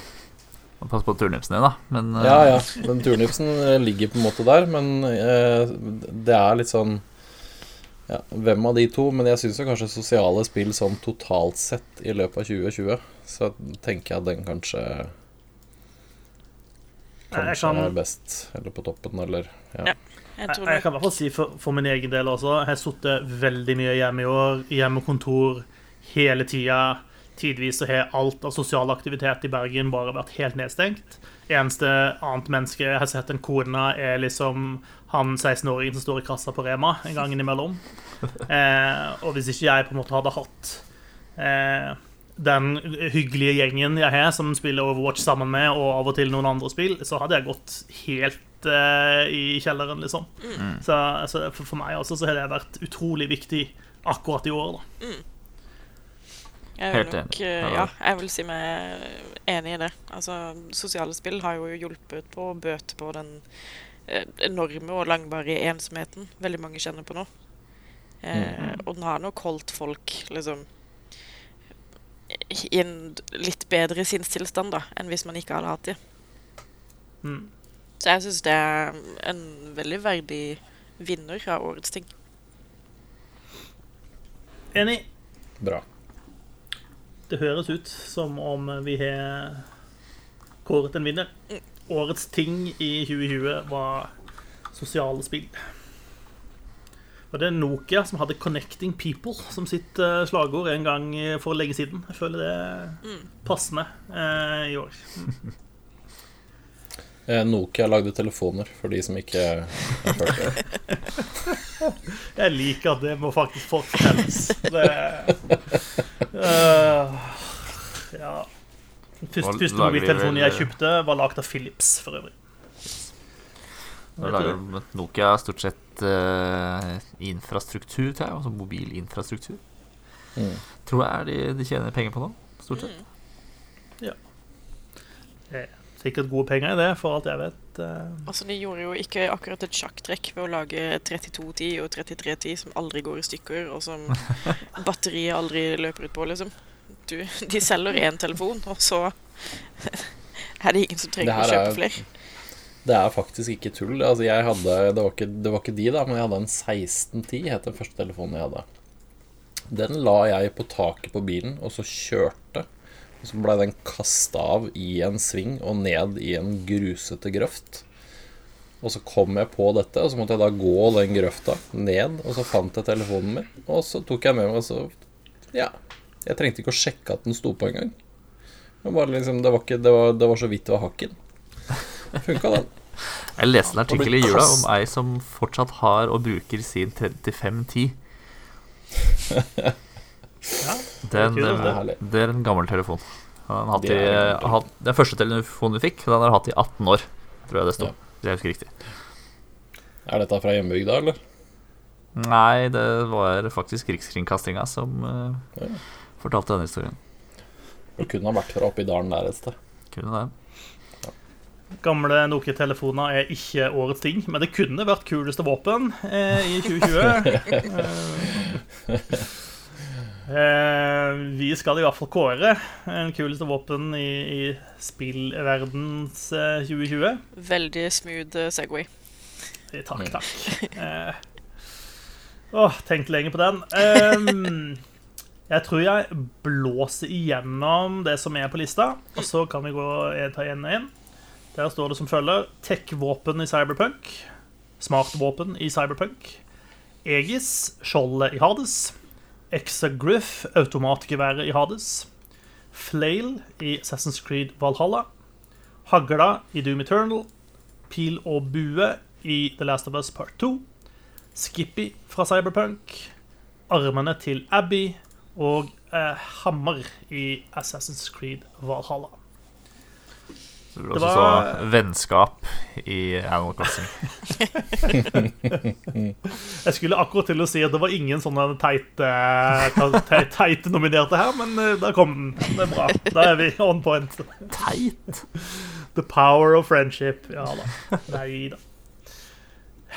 Ja, hvor, hvor skal man starte hen? Start på Eh, toppen. Hvor skal man starte hen? Altså, jeg vil bare først og fremst vil jeg si en takk til den som har nominert armene til Abby. Og så vil jeg si at den er jo, den er jo på en måte Den må jo være blant topp tre med en gang. Det var, det var jeg som nominerte. Ja. Jeg hadde en, jeg hadde en følelse. Mm. Den, den er litt jævlig. Welcome to the gun show, sier jeg bare. Yes. men, men det, er de, det er de armene som vi alle vet ikke er ekte fordi at det er en jente som har de, stemmer ikke det? Mm, Ja. Det går ikke. Ja, fordi hun umulig kan få i seg nok proteiner eller få de musklene ved å følge det treningsprogrammet noen har gravd opp fra en bildefil fra way tilbake i 2018 eller et eller annet sånt bullshit. Ja. Nettopp. Ja. Ja. Eh, Skal vi velge ut ett våpen fra Cyberpunk, kanskje? Ja, jeg tenkte egentlig jeg hadde lyst til å starte der, for vi, der har vi jo nevnt tech-våpen, smartvåpen og Skippy. Eh, tech-våpen er våpen som eh, du kan gjøre bedre gjennom et skill-tre i praksis. Eh, og gjennom det skill-treet så kan det liksom lades opp, og det kan skyte gjennom vegger, og det kan gjøre en del kule ting. Eh, smartvåpen er våpen som eh, har en slags eh, lock-on-funksjon på fiendene. Sånn at selv om en fiende hopper bak eh, et eh, cover, så kan du skyte liksom høyt opp i lufta, og så går pilene i en sånn nydelig bue, hvor de etter hvert bare sånn kaster seg ned og treffer fienden likevel. Hva heter den Hva heter den Sorry, nå, nå skjærer jeg helt ut på noe annet. Hva heter den filmen med Angelina Jolie og wanted. Uh, Wanted? Takk. Men, men der Ja, der driver de på med å sånn ku- kurv, kurvskudd. Ja, men det er ikke med- våpnene, det, da. Det er jo Ja, men jeg bare kom på den. Takk. Ja. Enig. Den, den trengte å nevnes. Enig i det.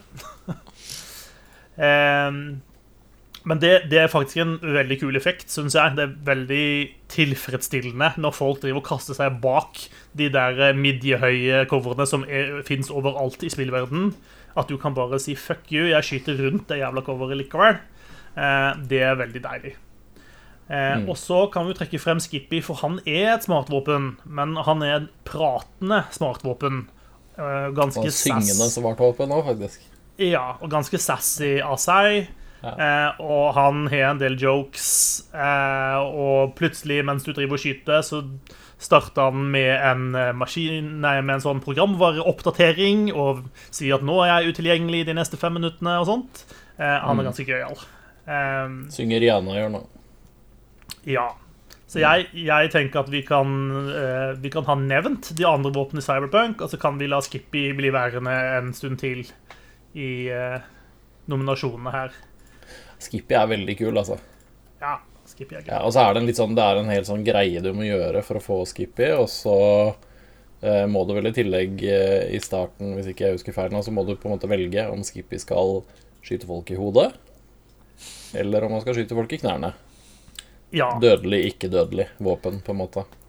ja. Det er et sånt valg du tar. Mm. Han, han har vel en ganske tydelig preferanse. Ja. Eh, der dødelig versjon er sånn den kule, kule effektive skytetingen, og den Mm. andre er liksom taper, eh, gå hjem og klapp valpene dine-varianten, eller noe sånt. Ja. Ja. Stemmer det. Ja, men Da holder vi Skippy inne inntil videre. Mm. Eh, og Så kan vi gå til Hades, for eksempel. Der er det to nominerte våpen. Det er da Ja, jeg, jeg Det blei litt for dumt hvis man bare skulle skrive alle våpnene Hades, men man kunne egentlig ha gjort det. Ja, jeg, jeg er nesten enig. Eh, det er mange kule våpen der. Eh, skjoldet og automatgeværet er, er i hvert fall nominert. Eh, det, det er jo et spill Hades er jo et spill der våpenet er spillet, på mange måter. Altså sånn, det er et spill du skal gjøre mange runs i, og hvilket våpen du har, og for så vidt hvordan du oppgraderer det, er, på en måte det som er forskjellen på runsene, stort sett. Sant? Altså, Mm. det betyr så utrolig mye for, for spillinga. Og som du er inne på, alle våpnene er gode. De klarer å lage en helt fantastisk flyt i det spillet med våpenet. Eh, men jeg har i hvert fall stengt inn de to som var mine favoritter. da. Eh, og det ene er da skjoldet, som eh, i tillegg til å ha en del kule angrepsmuligheter, og så gir deg faktisk muligheten til å forsvare deg på en måte som de andre våpnene i utgangspunktet ikke gjør. da. Eh, og Derfor syns jeg at det våpenet skilte seg ut eh, og ga deg på en måte en del andre taktikker som du ellers ikke ville hatt. Mm. og i de fleste runsene mine så har det vært mitt eh, go to-våpen. Ja. Eh, men, så, men så synes jeg også at Exagruff er ganske kul. Eh, og også litt fordi at det bryter såpass mye med eh, litt sånn det du forventer i spillet. Fordi at eh, du starter med, med å få de våpnene. Det er et sverd, og det er et spyd, og det er en pil og bue, og det er et skjold. Og så liksom etter hvert så får du altså låst opp det som da i praksis er et maskingevær, eller et, et automatvåpen. da. Eh, og det gir liksom ikke noe mening at du skal gå rundt i helvete med et våpen fra Doom eh, i dette spillet. Eh, men det funker Nei, men det det bra. passer. Det passer allikevel. Ja, det gjør det. Ja. det. Sånn, det ser teit ut med en gang, og så prøver du det, og så bare ja, Dette funker jo briljant. Dette Ja. Ehm, og det er også et veldig kult våpen som kan oppgraderes til å gjøre ulike ting, og gir dem forskjellige måter å spille på. Ehm, så, så ja, jeg syns begge de to er, verdige eh, nominasjoner i denne kategorien, altså. Ja. Jeg vet ikke om du, vel du eh, har noen preferanser her, Gøran? Jeg, jeg syns vel kanskje Jeg syns vel kanskje skjoldet er knappet kneppet høyere kulere enn automatgeværet. Men det er bare, jeg vet ikke, preferanse hos meg, egentlig. Eh, ingen av de våpnene var de våpnene jeg har brukt mest i Hades. Det er det ikke. Men uh, skjoldet er veldig kult fordi du har den i utgangspunktet et defensivt våpen som også, hvis du, hvis du treffer litt med oppgraderinger sånn, blir, blir fryktelig, fryktelig ødeleggende. Eh, så jeg, jeg syns jeg syns skjold er veldig kult fordi det har den derre todelte. Men altså, du kan jo bygge Du kan jo bygge sverdet til å bli passivt i med at du kan liksom deflekte angrep og sånn. eh, og gjøre masse skade på den måten, som også blir en type blokk, men ikke på samme måten, da. Så jeg syns Ages vinner av de to, da. Jeg har ikke spilt så langt at jeg har uh, låst opp Exegriff. Um, men jeg har også sånn tenkte Skjold det gidder jeg jo ikke. Jeg skal jo denge folk. Eh, så jeg likte spydet sånn til å begynne med. Uh, men så sa du, Marius, at du likte skjoldet så godt. Så jeg tenkte ja, da sparer jeg opp noen nøkler, og så kjøper jeg skjoldet. Og så kom jeg desidé, altså, utrolig mye lenger på første run med skjoldet enn jeg hadde gjort med x antall run med spydet. Uh, så det skjoldet ble en sånn umiddelbar favoritt hos meg, bare jeg tok vettet av meg og prøvde det. Ja. Ja. Nei, men Da høres det ut som at kanskje vi skal stryke Exegriff, da, sånn at vi beholder skjoldet. Så har vi ett et våpen fra Hades. Mm. Men, men, men det er et poeng. altså Vi kunne ha, vi kunne hatt hele røkla inne. Men eh, Ja, det er så men Ja, men det eh, Hades kommer vi tilbake til, da. Men det er, så- det er så velbalansert, det der at det er liksom ikke Jeg syns ikke det er noen som er sånn åh, det våpenet gidder jeg aldri å bruke. mm, Det er ikke sånn i Hades, og det er veldig godt gjort, da. enig. Skal vi gå til Assassin's Creed Valhalla? Der har vi to nominerte. Der har vi eh, Jeg har skrevet fleil. Her, her, her har jeg gjort litt research. Det er det eneste researchen jeg har gjort. Og det er hva heter fleil på norsk? Eh, konklusjonen er at det er ikke et eh, anerkjent norsk ord som alle bruker. Eh, men folk som driver med sånn middelaldervåpen på gøy eh, her til lands, de bruker av og til termen kjettingklubbe. Eh, så da, jeg, da kaller vi det det. Kjettingklubba i Ja, Assassin's så de, de har bare De har ikke greid å gjøre, være noe fantasifulle, så de har sett på våpenet, og så tenker du nå sier vi bare det vi ser. Mm. Det er av og til når, når ikke språket på en måte står der bi, og du må finne på noe sjøl, så er det kanskje det beste. Ja. var veldig sånn tysk tilnærming. Ja, det var det faktisk. Mm. Alle liker jo en flail, Ja. eller kjettingklubbe, da, som vi må kalle det nå. Ja, kjettingklubba. Og litt grunnen til at jeg nominerte den inn, er eh, fordi at det er en Det gir en så skikkelig deilig følelse. Den kjettingklubba den er ganske treig å få i gang. Eh, Så du bruker liksom en del tid, og hvis du slåss mot noen som bare har kniver, eller sånt, så kommer de til å stabbe deg masse før du i det hele tatt får liksom svingt denne kjettingklubba. Men når du først kommer i gang, og du liksom, da kan du dælje løs, og du, du knuser skjoldene til fiendene dine, og fiendene fyker veggimellom når du får ordentlig sving på den. Eh, og det var en sånn skikkelig, skikkelig sånn power trip i, i Assassin's Creed. Eh, og jeg syns den skilte seg litt ut ifra liksom, øksene og sånt som du gjerne starter med, med å bruke. Eh, så for meg så ble det litt sånn go to-våpen. Eh, gjerne kombinert med en kniv eller noe litt kjappere våpen i tillegg, siden du kan he, he, tross alt ha to hender, og da selvfølgelig kan ha to våpen. Mm. Så yes, kjettingklubba, Ja. det er uh, del av min power fantasy i vikingtid, i hvert fall. Mm. Og så har noen andre nominert hammeren. Ja, det er meg. Eh, Yes. jeg falt ikke helt for, eh, for den kjettingklubba. Jeg syns den ble for treig.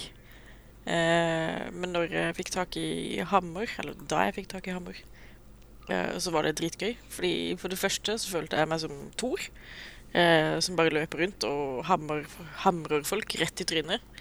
Eh, og for det andre så kan man si sånne ting som 'stop, it's hammer time'. Eh, og så mose huet til noen. Eh, og det er veldig morsomt. Og det er, den. det er stort sett sånn jeg tilbringer mine dager i Assassin's Creed. Eh, vi har runder vel 80 timer nå snart. Ja. Har du, har du på et eller annet tidspunkt satt på MC Hammer mens du spilte Assassin's Creed? Det har jeg faktisk ikke, fordi jeg liker uh, musikken i spillet. Stopp, det er kjettingklubbetid. Nei, det gir ikke helt Så jeg har liksom samme- ikke, jeg har ikke helt samme klangen, føler jeg. Nei, nei. Jeg, jeg, jeg, må, jeg må nesten si meg igjen i det. Altså. Jeg må, Men en eh, kjettingklubbe er ikke det samme som en eh, morgenstjerne. Nei, det er riktig. For en morgenstjerne er det som på engelsk kalles mace. Altså, der, der, er, der er ikke kjettingen. Det Nei, er basically basically bare en, eh, eh, en jerndings med pigger på på en klubbe. Ja, det er en klubbe med en uh, pointy end. Yes. En Men du er, ikke den, du er ikke den første som har gjort den feilen. Eh, for da jeg, da jeg som ung gutt vokste opp, eh, så hadde jeg et, et, et eh, brettspill eh, som var satt til eh, sånn fantasy-greie. Og der, det var oversatt til norsk. Og der hadde de oversatt 'Flail' til morgenstjerne. Men, eh, så jeg levde i mange år i den tro at det var det samme, men det er det altså ikke. Nå kan du være han kule på den festen som sier Men faktisk så er ikke det er ikke morgenstjerne. Og så må du, du må få deg briller som du kan dytte litt langt opp på Ja. neseryggen. Så må du huske å stå i hjørnet da helt fram til den diskusjonen kommer, og så kan du begynne å si noe. Ja, jeg pleier å stå i hjørnet på fest, så den, Ja. mm. den biten er jo good. Eh, jeg, jeg, jeg tror det er lenge siden jeg innså at de festene som jeg går på, der er det ingen som er den kule. Så det, det er helt greit. Det er, helt greit. Eh, men OK, vi kan la begge de stå litt, grann, og så kan vi gå videre til Doom Eternal.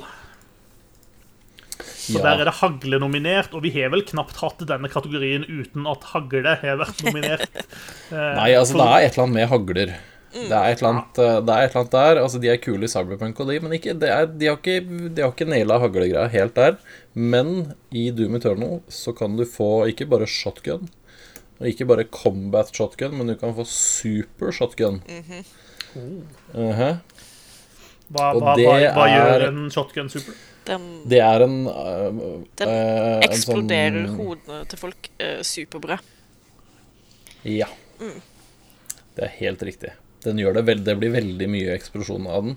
Eh, og så har den i tillegg en krok som du skyter, som fester seg i demonene. Og så drar du deg mot de, og så skyter du de når de kommer helt nærme de. Nei, det Åh. Ja. Det er, det Det er, det er, en, det er en hagle altså. Det er en ordentlig hagle, sånn som hagler skal være i sånne spill. Er det tidenes hagle? den- Hm? Er det tidenes hagle? Og det, det, det er jo et umulig spørsmål å si ja eller nei på. Men at det er en meget bra hagle, det er det, ass. kanskje vi må ha den kåringa en gang. Tiårets Ja. hagle. Ja.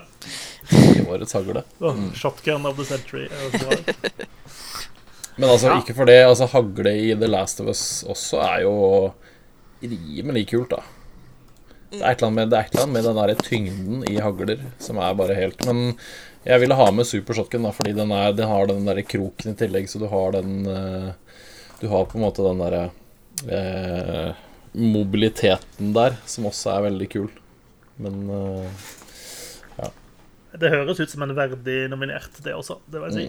mm. Eh, siste spillet på lista er Last of Us 2. Der vi har Ja. nominert Pil og bue og Armene til Abby. Altså, jeg nominerte Pil og bue bare fordi altså, alle liker jo Pil og bue. Så den må jo på en måte på lista og nevnes at Pil og bue er kult. Det er også kult i The Last of Us, men jeg tror ikke den vinner i år. Det tror jeg ikke. Nei. Eh, men det er fett. Altså det er, når, du, når du får det til ordentlig, så er det dritkult. Men jeg føler samtidig at det å bare denge løs på folk, som Abby, bare knyttnevene, er langt mer tilfredsstillende enn å bare liksom skyte en ussel liten pil inn i fra avstand. som en Ja, feiging. det spørs selv hvem jeg har prata med tidligere på dagen, på en måte. Eh, Alt etter, eh, alt etter på en måte dagsform og, og, og hvor mye Trump har vært i media. Men eh, jo, jeg kan til dels være enig i at av de to, så syns jeg kanskje armene til Abby burde stå igjen, da. Det, den kan jeg være med på. All right. Men da, da stryker vi pil og bue fra Last. Ja. Da står vi igjen med følgende. Vi har Egis, Charlie Hades. Vi har kjettingklubber i Assassin's Creed Valhalla. Vi har hagla i Doom Eternal. Vi har Skippy fra Cyberpunk. Vi har armene til Abby i The Last of Us Part 2. Og vi har hammeren i Assassin's Creed Valhalla. Eh, jeg, har, jeg har kanskje litt lyst til å si at kanskje vi kan stryke begge våpnene fra Assassin's Creed. Hva tenker du, Susanne, om det? Jeg føler de er liksom eh, relativt eh, like i det at de byr på eh, like mye gøy. Eh, Så ja, det blir vanskelig å liksom velge én av de. Så vi kan gjerne bare stryke alle, fordi egentlig alle våpen i Valhalla er dritgøye, hvis du bare får de til ordentlig. Ja, jeg er enig. i Det, det, det, det er kule våpen, men de, de, gir ikke den, de gir ikke meg i hvert fall den helt den samme følelsen som det Gjøran beskriver av Doom, f.eks. Nei, altså, og det kuleste i Assassin's Creed Valhalla er jo når du får den skillen hvor du kan ta imot prosjektiler og sende de tilbake til uh, avsender. Eh, og så bare eh, liksom flyte gjennom en hel bosskamp hvor alt du gjør, er å stå og ta imot steiner og kaste de tilbake. Synger du 'Return to Sender' Ja. da, eller? Ja. Det er en helt egen playlist Ja, ja, ja. yes. Veldig bra. Eh, da er jo den situasjonen at vi har fire nominerte igjen, og én av de må ut. Å, shit, ass.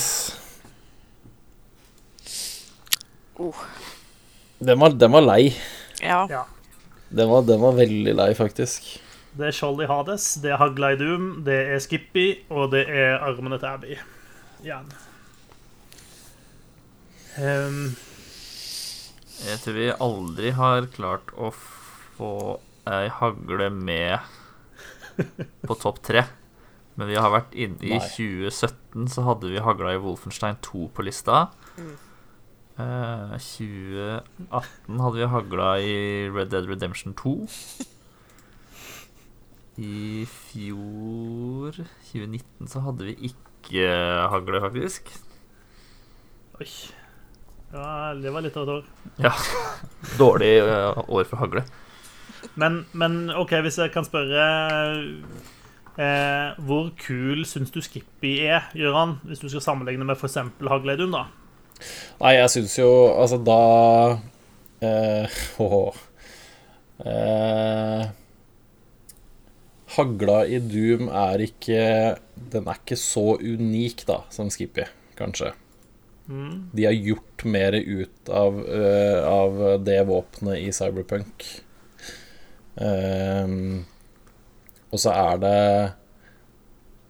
Den hagla aleine er liksom ikke Det er ikke bare det som bærer uh, Doom, da. Det er, det er liksom hele, hele arsenalet ditt satt sammen som gjør at alle de forskjellige tingene blir kult i Doom, fordi du det går så fort, og du veksler så mye mellom de forskjellige tingene. Du bruker alle verktøyene, og så Ja, så drar du fram den der, og så bare blåser du én, og så dropper den masse ting, og så veksler du til et annet våpen, og så fortsetter du. Så det er ikke Det står ikke ut som vesentlig mye bedre enn alle de andre våpnene i Doom. Men det er det også litt fordi alle våpnene er bra. Eh, jeg syns kanskje de kanskje de andre er mer unike og morsommere, kanskje, da, på en måte, enn hagla. For hagla er til syvende og sist bare en hagle. Jeg tror det er litt den praten vi har hatt tidligere også. Altså, med, Eh, med tanke på hvor mye furore armene til Abby skapte eh, når de først ble avslørt, så vil jeg jo påstå at de er ganske unike. Eh, I hvert fall i spillverden. Ja, og så syns jeg ikke noen har greid å få til eh, et skjold som et våpen på samme måten som de har fått til Hades. Og så syns jeg Skippy bare er kult fordi det er sånn derre Ja, fordi det er hele den greia det er med Skippy. Mm. Mm. Så jeg tror kanskje Det- hagla ryker enda et år. Ja. Det ser litt sånn ut. Det er sånn ikke the year of the shotgun. Da høres det ut som at eh, vi setter strek over hagla, og da har vi tre eh, de står igjen. Lykke til neste år, Hagle. Ja. Jepp. Eller Ses igjen om et år. Ja. Eh, og da er spørsmålet hvem vinner kuleste våpen? Og da har jeg litt lyst til å si at Skippy ikke vinner. Jeg synes at Skippy er kul. Jeg synes den hører med i topp tre. Men jeg synes også de kunne ha gjort Skippy enda kulere enn de har gjort. Så selv om den er forseggjort på en kul måte, så synes jeg at A armene til Abby de har vært på en måte en sånn del av diskusjonen at eh, jeg ville sette den over. Og jeg synes også at Hades, som, der alle våpnene er kjempekule, også Der syns jeg også at Egis havner over Skippy, da.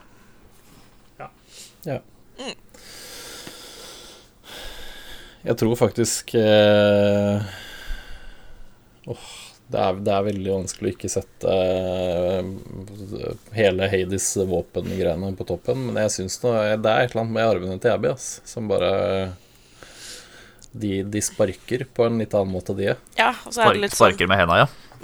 Ja, det, er- det er det hun gjør. At, Og så er det litt sånn vil du, eh, vil du bli klemt av de, eller vil du egentlig bare Hun skal kvele deg. Kan man? Kommer an på Ja, altså dagshumøret. Ja, ja takk. måte. yes. ja takk, Mm. begge deler. Jeg vil, skal, vil han skal holde meg aggressivt. Litt sånn lett risting må være lov. Ja. Ja, jeg tror vi fant vinneren, jeg. Det høres ut som at det blir armene til Abby som vinner. Mm. Ehm, jeg syns det er en verdig vinner, men ja, jeg, syns litt synd på Hades også, fordi at de Ja. våpnene er så bra. Eh, ja. Men det er en bra topp tre. Jeg er veldig fornøyd med den trioen der.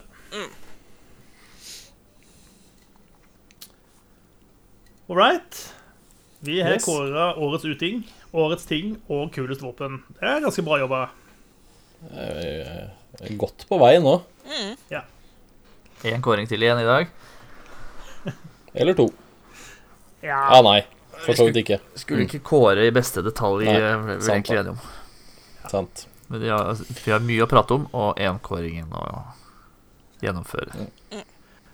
Da er neste på lista vår er altså årets 5-0. eh, Og i tradisjon tro, Håvard, så må du fortelle hva som er bakgrunnen for eh, denne kategorien. Uh, 5-0 eh, som begrep stammer jo fra et eh, forferdelig dataspill som heter The Division. Eh, utviklet og utgitt av Ubisoft. Eh, hvor eh, jeg uh, sprada rundt i, eh, i New Yorks gater ganske tidlig i spillet. Eh, og inni noen bakgater så, så møtte jeg en eh,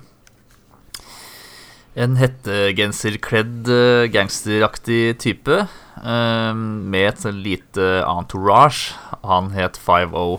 Um, og jeg så de fikk jo sånn Det var indikert at disse er skurker, så jeg tenkte her skal jeg få, eh, overraska disse, eh, drepe de og ta luten deres. For jeg så han var litt sånn 5-0 var jo markert som en eh, tøffere fiende enn mann i gata, for å si det sånn. Eh, og det kan jo trygt si at eh, han var.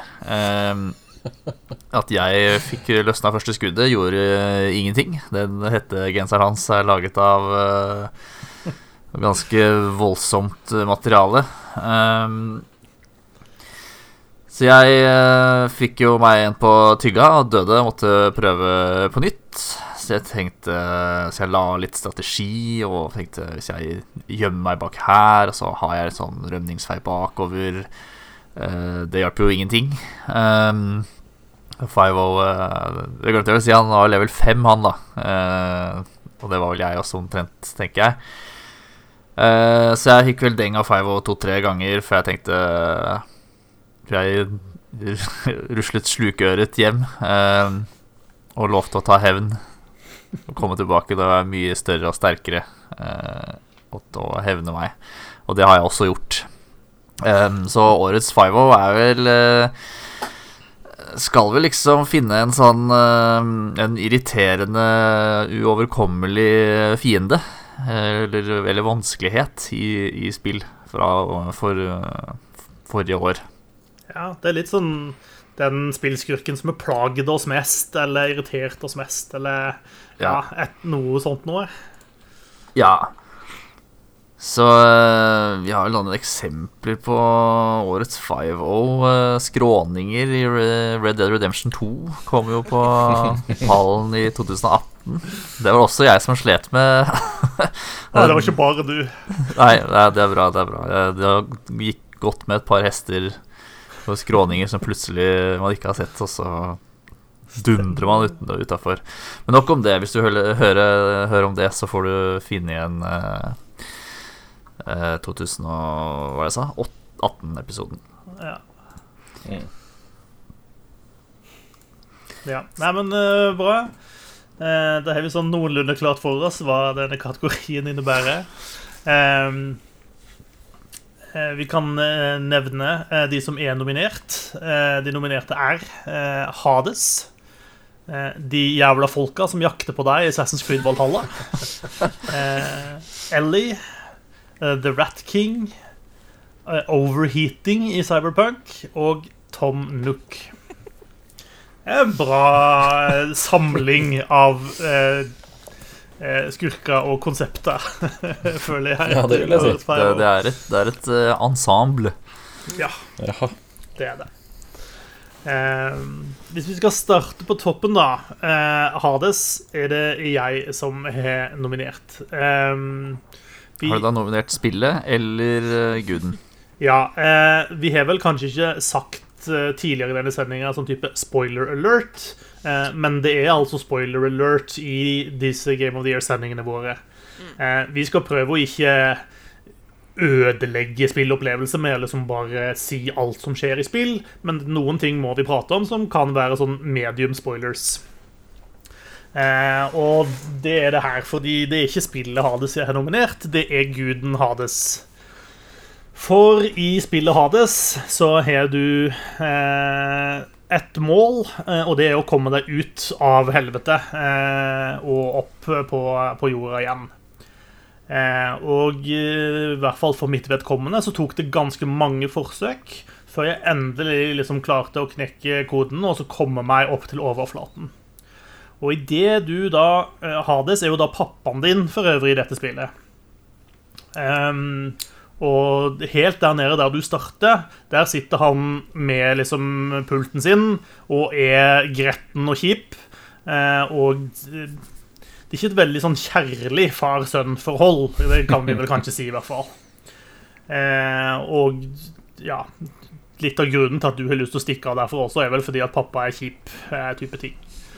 Eh, og når de da endelig liksom er klart å kjempe meg gjennom alle skurkene, alle bossene, all driten som finnes nede i helvete, kommer meg opp, kjenner liksom lufta, det er frisk luft. Eh, jeg kan se, liksom, jeg kan skimte havet og himmelen, og liksom, yes, alt er fint.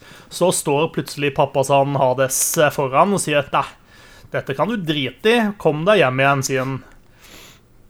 Og så må du da slåss med han. Og han er jo da mye vanskeligere å slå enn noen av de andre bossene du har møtt før.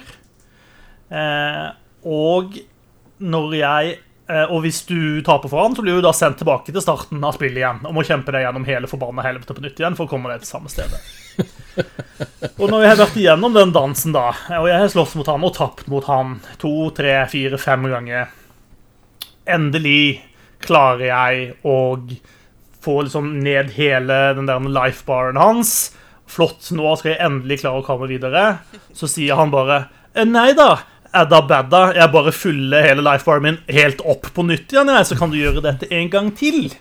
Ja, Og så dreper han meg, og så blir jeg sendt tilbake igjen til begynnelsen. Så ja, fuck you, Hades. Eh, det er så utrolig bad move å gjøre det. Late som at Gi meg liksom inntrykk av at dette er det du må klare for å slå an, og så bare si nei, du er faktisk nødt til å gjøre det en gang til, og du får ikke noe mer liv, selv om jeg fikk masse mer liv. Uh, ja. Så det, kombinert med at han generelt er en sulky og utrivelig fyr å være rundt, syns jeg gjør han til en god nominert til årets Five-O. Ja. Det var, eh, det var godt oppsummert. Det er godt vi har det der på tape, akkurat det der. Ja. Det, jeg jeg venta på den anledningen til å få ut litt frustrasjon eh, for eh, han skurken. Jeg har beseira han til slutt, da, skal sies. Jeg har klart det. Og det var deilig. Åh, det satt langt inne. Yes. Så han hører hjemme i denne kategorien. Det er jeg helt overbevist om. Ja. Godt plassert, han. Neste på lista er de jævla folkene som jakter på deg i Assassin's Creed Valhalla. Eh, og er ikke du Susanne som har spilt 80 timer? Jeg har nok spilt noe mer enn meg. Jeg husker ikke hva de heter for noe. Er de Crusaders, eller hva, hva er tittelen på disse Det kommer litt an på hvem det er du, du sikter til, for det er ikke jeg som nominerte. Men det er enten Zealots eller um, Knights eller et eller annet sånt piss. Ja, jeg lurer på om det er Zealots det heter. Altså, det er disse som bare vandrer litt rundt for seg sjøl, og hvis du kommer i nærheten av dem, så skal de angripe deg. Ja, og så blir det sånn Oh, you murdered my brother. Og så sier jeg Ja, men da må du være litt mer spesifikk. Jeg har myrda mange. Altså, Så det er litt sånn som det var i Assassin- det første Assassin's Creed. da Der altså husker jeg liksom Hvis du bevegde deg utafor byer, så var det bare sånn Han der er skurktal! Uh, Mm. sånn Vi har aldri sett hverandre før. Ja. Men disse her er jo medlemmer av den der skurkeordenen holdt jeg på å si, som vi ikke er noe glad i eh, der borte. De rir rundt og er kjipe. Eh, og de har en relativt høy eh, sånn vanskelighetsrating eller noe sånt nå i spillet, da. Eh, og det tok meg ganske mange timer i det spillet før jeg klarte å bekjempe en sånn en. I jeg møtte på sånne flere og døde liksom momentant. Og hver gang så var det bare OK, det kom en sånn. Nå må jeg faktisk bare beine for livet. Fordi det, jeg, det er ingenting å stille opp mot mot han fjompen her. Det er sånn, Som du sier, jeg kan bruke denne øksa eller denne kjettingklubba eh, til å drepe 100 000 briter, men han ene kisen på hesten der, nei, ikke nubbsjans. Eh, jeg ble faktisk så sint at jeg, eh, jeg rett og slett lagde til et bakholdsangrep på en sånn en kis. Jeg har scouta ut, hadde full kontroll på hele liksom, rideruta hans. Eh, så jeg endte opp med å drepe et par eh, av kompisene hans. La de ut. La sånne booby traps på kroppene deres. Så da han kom ridende bort, så gikk han av hesten, gikk bort for å sjekke, og ble sprengt. Og så charga jeg inn med liksom alt jeg hadde å kaste på han, og klarte så, så vidt det var å drepe han. Og det var deilig, for det fortjente han. Og nå er det bare 30 igjen av kompisene hans eller noe sånt, å gjøre det samme med. Det høres ut som en sann 5-0. Ja, de, de er noe drit, for det er ingen grunn til at de skal være så jævlig mye bedre enn alle de andre skurkene som er rundt i den samme regionene. Ja. Yes. Det, det, det var det. Bra. neste på lista er Ellie. Det er ikke hvem som nominerte Ellie, jeg. Det var meg. Ja. Fordi hun er en bitch, og det er umulig å slå. Eh, Ja. Uansett hva du gjør, basically. Uh, hun er uh, den verste Og dette er jo kjempespoiler, så klart. eh, de verste bosskampene i The Last of Us 2. Eh, problemet med å slåss mot henne som boss, er at du får ikke sjansen til å overvinne henne. Fordi spillet lar deg ikke gjøre det. Det høres jo greit ut. Nei, så uansett hvor mye du trener og øver og leveler opp på Chohei, så kan du aldri bekjempe henne. OK, hun vinner uansett, hun, hva, uansett hva du gjør. Mm. Så hun er liksom den ultimate 5-0-en. Det høres jo greit ut. Nei. Nei. Nei. Nei. Ja, men greit. Det er litt sånn, men det er litt sånn spillet er bygd opp, da. Du skal jo ikke kunne slå henne. Så det er jo ikke sikkert du hører det hjemme hadde på på en måte lista. vært litt sånn Ja. Det hadde på en måte gjort eh, det hadde, ja, ja. Det hadde vært litt dumt og, nå, Jeg skal ikke spoile så mye av spillet, men det hadde på en måte vært litt rart om man hadde tatt hun ved første mulighet. Ja, altså det hadde jo åpna opp for noen eh, interessante veier videre, føler jeg. Ja, jo da. Det hadde jo vært eh, et sjokk, det hadde jo. Mm. Det kunne vært litt kult. Men ja, hun er umulig å slå, og du må slåss mot henne. Mm. Det er liksom uunngåelig. Spillet tvinger deg til å tape. Mm. Det er ganske kjipt. Yes. Ja. Men du veit jo litt hvorfor, da. Ja. Du vet, jo, du vet jo på en måte. Så det er litt sånn Jeg vet ikke. Jeg, jeg irriterer meg ikke over det på den måten. Sånn. Men uh, ja. Men hun er jo også fuckings terrifying som boss, da. Når du Ja, tross har eh, Mm. spilt med henne i halvparten av spillet og vært med henne i hele første Last of Us, og så blir du møter du henne ansikt til ansikt. Det er, Mm. det er veldig intens Du vet jo at dette, dette, er ikke et, eh, dette er ikke et menneske som stopper noen gang. Mhm. Ja. Nei. Jeg er med på den. Og den første bosskampen er jo så langt frem i tid som du vet at ting kommer til å skje. Du har Når du er i den bosskampen første gang, så har du ingen idé om hva utfallet faktisk kommer til å bli. Nei, stemmer det. Mm. For det er Ja, nei, det er jo riktig. Mm. Mm. Det er forbi hele greia, da. Jepp. Så den Det er så lett å være sånn passe vag uten å si noe. Sånn. Mm. Håvard hører ikke på, så Han sitter med fingrene i øra akkurat nå. Men ja. Nei, stemmer det. det er, inne på, er det inne på den kinoen? Uh, ja. Ja, stemmer. Så er har en til nominert fra The Last of Us 2. Mm. Det er The Rat King. Fuckings Rat King, altså. Fy faen. Det Han kan du få billig av meg.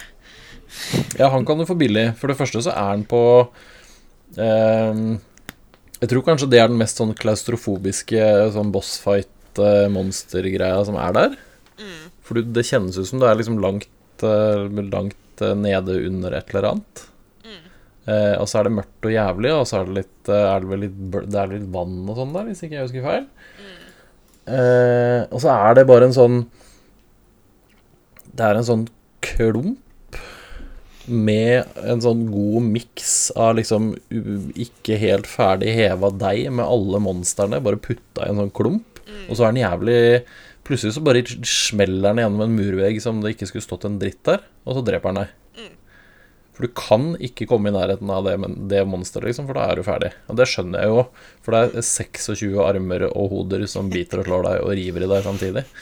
Og fordi Um, den er en, liksom en kombinasjon av alle um, disse cordycepsene, holdt jeg på å si, eh, så må du jo bruke alle taktikkene du har i repertoaret ditt i tillegg. Uh, Mm. Som er jævla stressende. Eh, spesielt når du blir liksom jagd av det faenskapet. Ja, altså jager du deg, og så er det sånn Å, shit, nå må jeg lage noen flere molotovs, og så prøver du å sette deg ned, og så bare hører du knuser 9000 dører bak deg, og så veit du at å, shit, nå må jeg begynne å løpe, og så veit du ikke helt hvor den er, og så bommer du på døra, og så blir du stressa, og så er det mørkt, og så Nei. Og så er det bare hele Hele lyden og lyseffekter og animasjoner og sånn i tillegg på den der. Ja, fy fader, det var, den var noe dritt, ass. Da var jeg, da var jeg ordentlig stressa, faktisk. ja. Eh, det, kontrollene gikk ganske heftig på rundgang eh, her i heimen da vi tok den bossfighten. Ja. Jeg måtte stoppe halvveis i og bare sånn Nei, orker ikke mer. Ja, nei, den er eh, den, den, Jeg syns den hørte hjemme her. Det høres såpass fælt ut at jeg vet ikke om jeg har lyst til å spille det spillet. Så Ja, ja men greit. Det er to, to nominerte. Eh, Noen må vi si fra til, si fra til Håvard at vi hører det. Ja, noen må plinge Håvard. Eh, eh, overheating i Cyberpunk, er det du, Gøran, som har slengt inn den? Det er meg. jeg tror det er Jeg tror det er Håvard. Håvard, faktisk. Ja. Det er meg. Ja, dette er uh, Ehm, jeg tror man møter for første gang Jeg har jo snakka om uh, at jeg var ikke noe stor fan av liksom, introen de første fem-seks timene i Cyberpunk. Eh, og det er i stor grad knyttet til et oppdrag hvor du skal Man skal inn og ut da, av, et, av et bygg. Eh, hvor man, man kommer seg vel inn på fredelig vis, og så blir det forviklinger eh, med en deal som skal gjøres der inne. Eh, så du, man må skyte seg ut, da. Um, og selv om det er kult at eh, man kan liksom hackes gjennom kameraer, sånn som man kan hacke fiender gjennom kameraer, så er det jævla irriterende med en overheating-greie, hvor liksom du settes Ja, du overopphetes, da, altså du brenner liksom fra innsida, eh, og det kan gjøres via kameraer, og i det rommet jeg var, så var det faen klin umulig å skjønne hvor hvor jeg ble overheata fra. Var det i det rommet der du står oppe, og så er det en lang trapp ned? Eh, nei, Du det var en eh, litt sånn eh, Det var litt sånn eh, laboratorium-vibes. Ja. Sånn opp til venstre. Var liksom opp, så et platå opp, og så var det en sånn relativt trang gang med litt sånn kasser og stæsj på høyre Og da var det ikke, det var ikke på samme plassen som jeg sleit med det. Nei. Altså, jeg måtte, jeg måtte gå og google. Jeg hva, hva kan jeg gjøre med overheating? Og det var sånn, ja, det er ikke noe verre enn å bare bryte line of sight, men det er jo mye verre enn å bare bryte line of sight. Um, så jeg har eh, Et av talentene jeg har kjøpt, det er faktisk sånn at du, du får en sånn indikator på hvor du hackes fra, og hvor du liksom overheates fra, sånn at du kan skyte i den retningen og forhåpentligvis ta ut det kameraet eller drepe den personen som prøver å hacke deg. Um, Det er veldig fint å få en sånn gult omriss på en måte av, Ja. uh, av de som prøver å hacke deg.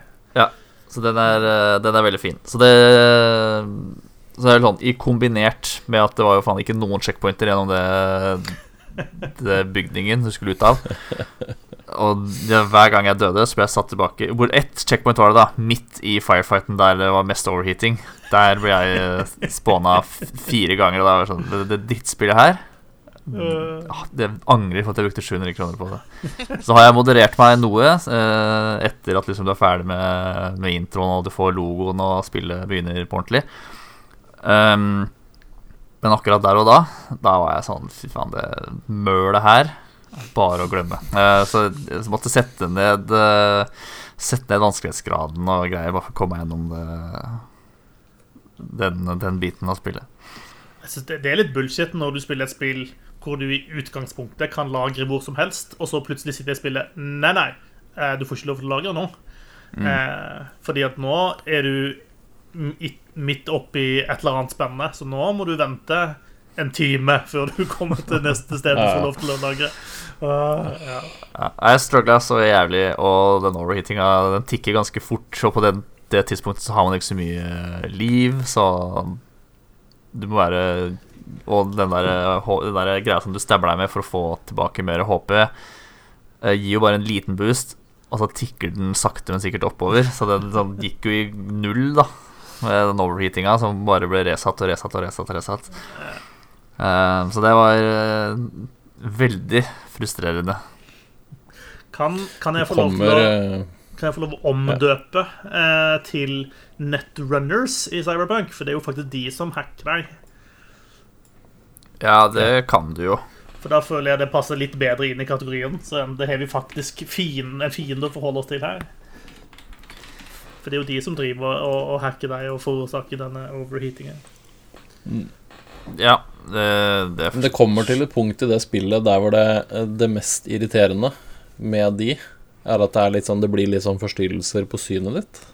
Eh, for nå Jeg har såpass mye health regen og sånn i kamp at det gjør ingenting at jeg blir overheata nå. Mm. Det er bare irriterende at det blir litt sånn annen farge på synet mitt fordi jeg brenner. Jeg tror jeg, min karakter er immun mot flamme, så det doesn't Ja, bother ikke me sant. much. Så Mm. ja. Nei, du kan, du kan rigge deg etter mye, men, men jeg er enig med sånn som eh, Håvard beskriver, at i, spesielt i liksom de første fem-seks timene, så da er du ikke så veldig godt skodd. Da Da er du en glad amatør, Nei. både du som spiller, men også vi, karakteren som du spiller. Eh, og da Mm. er du på en måte veldig begrensa med verktøy å bekjempe med. Og jeg også løp rundt og hadde rimelig bra panikk noe tidspunkt der, og plutselig så flasher det, det der med overheating over skjermen, og bare Aah! Ja. Så jeg, jeg ser det. All right, siste på lista er Tom Nook. Han føler jeg vi diskuterte noen tidligere ganger også. Om ikke i denne kategorien, så har han i hvert fall vært oppe.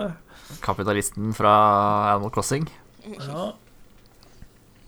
Ja, altså, jeg veit ikke. Det var litt sånn eh, eh, Årets Animal Crossing er mitt første møte med Tom Nook. Jeg har skjønt greia med det før, eh, men nå fikk jeg på en måte oppleve det på kroppen. Og det er, det er litt sånn morsomt, da, for det er et veldig sånn Altså, det er et barnevennlig spill, men så er det jo ikke det heller, fordi Eh, datteren min skjønner jo ingenting av disse systemene, sånn, sånn som det her, da, med den der gjelda. Og det er liksom morsomt. da, Hei, du, vil du komme til denne øya og hjelpe meg å gjøre sånne ting?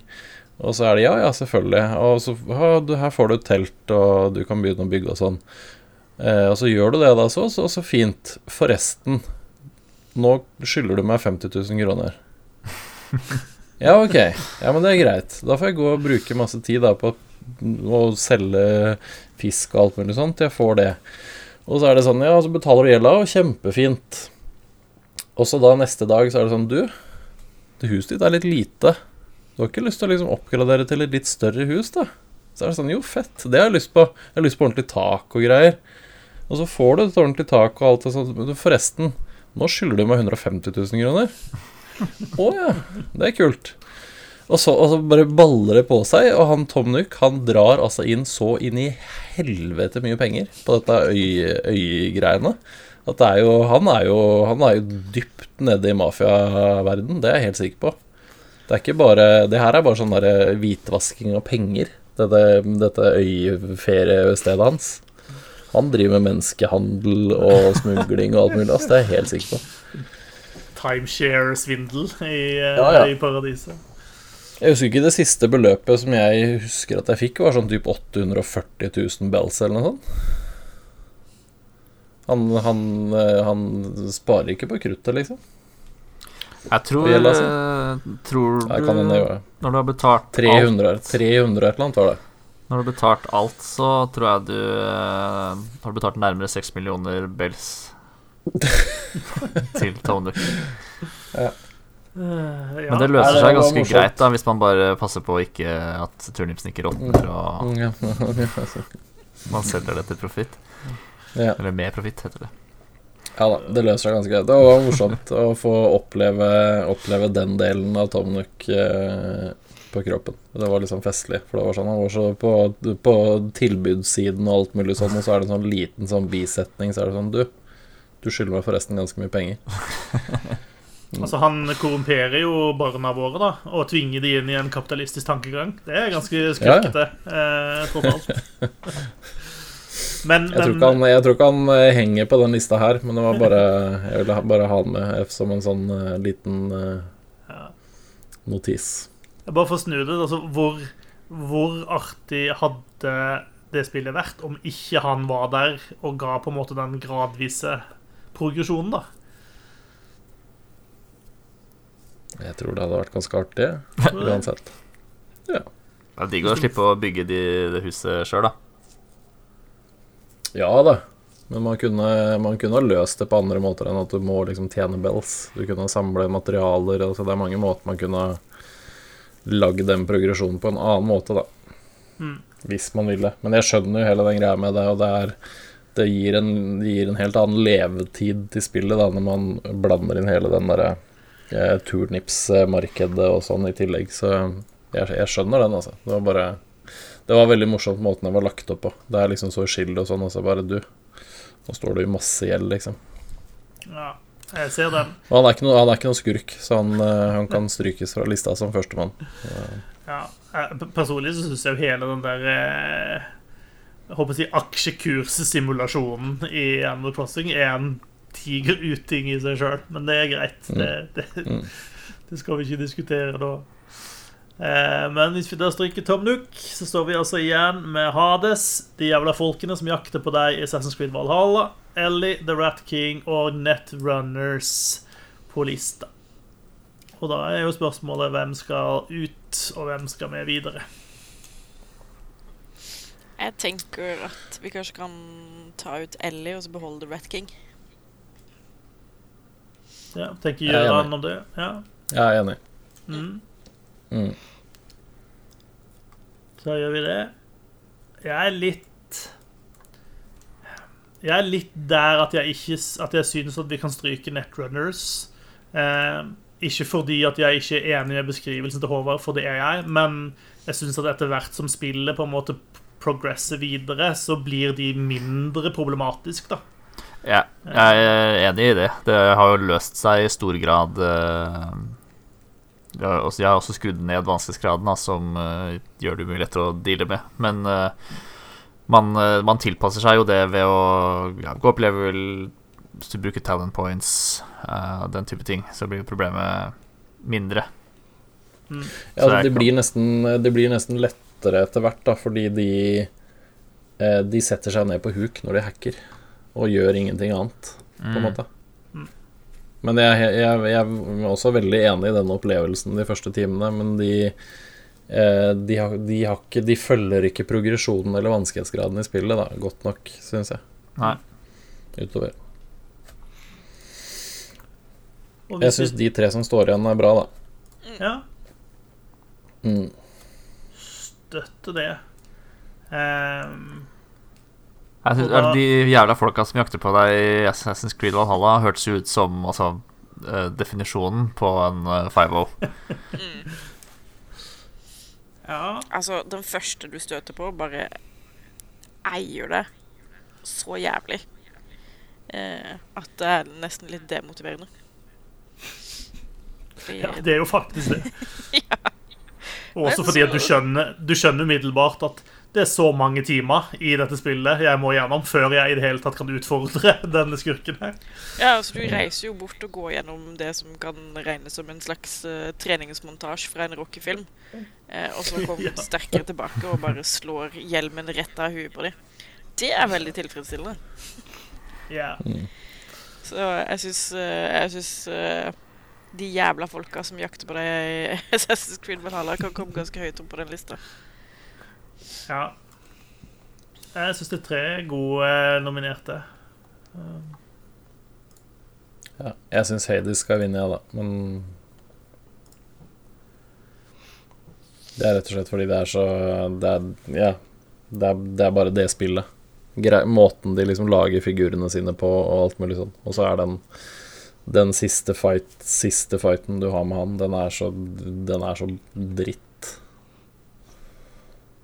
Ja, jeg tror eh, Jeg tror kanskje jeg også lener i den retningen, altså. Og også fordi at konsekvensene er at nå stopper runnet ditt her. Du blir sendt helt tilbake til jævla start igjen. Mm. Og må begynne fra børjan av. Det, gjør det, det, det syns jeg også gjør at det passer veldig godt inn i drittsekk-kategorien. Sant? Ikke bare en kjip boss, men konsekvensene av å tape foran er, føles så store. da. Og så er det, og så er det det at han Når du er der, da, og så fighter hun, og så taper du, og så kommer du tilbake, og så sitter han med den der jævla pulten sin, og så er han sånn Haha, du er dust. Bare prøv igjen, du. Ja, nettopp. Og det er sånn der, Du eh, kjenner at du får lyst til å bare vise begge langfingra og bare «Å, 'Du er så dust, ass, pappa. Jeg går på rommet mitt.' Altså, du får den følelsen der, liksom. Det, det er jo literally det du gjør, altså. Ja. Og så er det litt den følelsen du får når du endelig tror du har slått den, og så bare surprise cockface. Eh, Mm. Har et liv til. Ja. ja. Og det er så ugreit. Åh. Det tror jeg forresten var Jeg tror vi har hatt en tidligere vinner som hadde akkurat den samme eh, effekten der.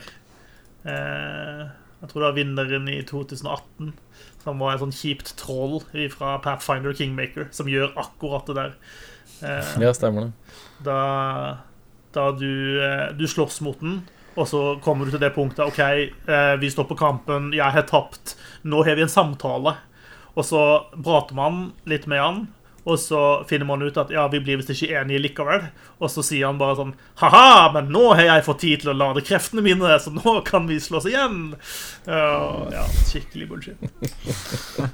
Uh, Men ja, Hades syns jeg er en, en eh, verdig vinner av årets 5-0. Ja. Ja, hvis det er noen spillutviklere som hører på, da, så har dere oppskriften der hvis dere skulle ha lyst til å vinne årets 5-0 i, i double Ja. cup. Åh, ikke hør på det, for det er jo helt forferdelig. Tenk, Nå er det noen som kommer til å gjøre det der tre ganger neste gang.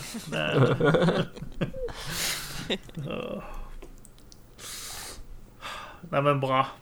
Vi har, vi har kåret årets 5-0. Det syns jeg er verdig. Da er vi kommet til den kategorien hvor vi sannsynligvis ikke skal kåre noen vinner, men bare har ting vi har lyst til å prate om eh, fra spillåret, som er litt sånn ikke ikke nødvendigvis om spillene som sådan, men om detaljer eller liksom spesifikke ting som vi ønsker å, å trekke frem. Og der har vi en fin uh, liten liste, egentlig. Ehm, ja, vi, kan jo, vi kan jo starte på toppen, gjerne. Eh, der er det en som jeg har nominert, men jeg lurer på om kanskje du og jeg, Håvard, skal eh, ta den litt i lag. Det er fra Cyberpunk. Ja. Eh, den eh, Beep Beep Motherfucker har vi, eh, vi kalt den. Det er jo sånn i Cyberpunk-universet at der er mm, eh, Der er en drosjetjeneste som drives av en kunstig intelligens som heter ah, Hva heter det? Dele... Jeg håper å si Delavine, er det ikke, men det er noe sånt. Delamain, er det ikke det? Delamain, ja. Takk. Eh, og han har du en, en run-in med ganske tidlig, og han er en høyst eh, sånn høflig og eh, standup eh, kunstig intelligens, da. Eh, Som driver et transportselskap. Ja.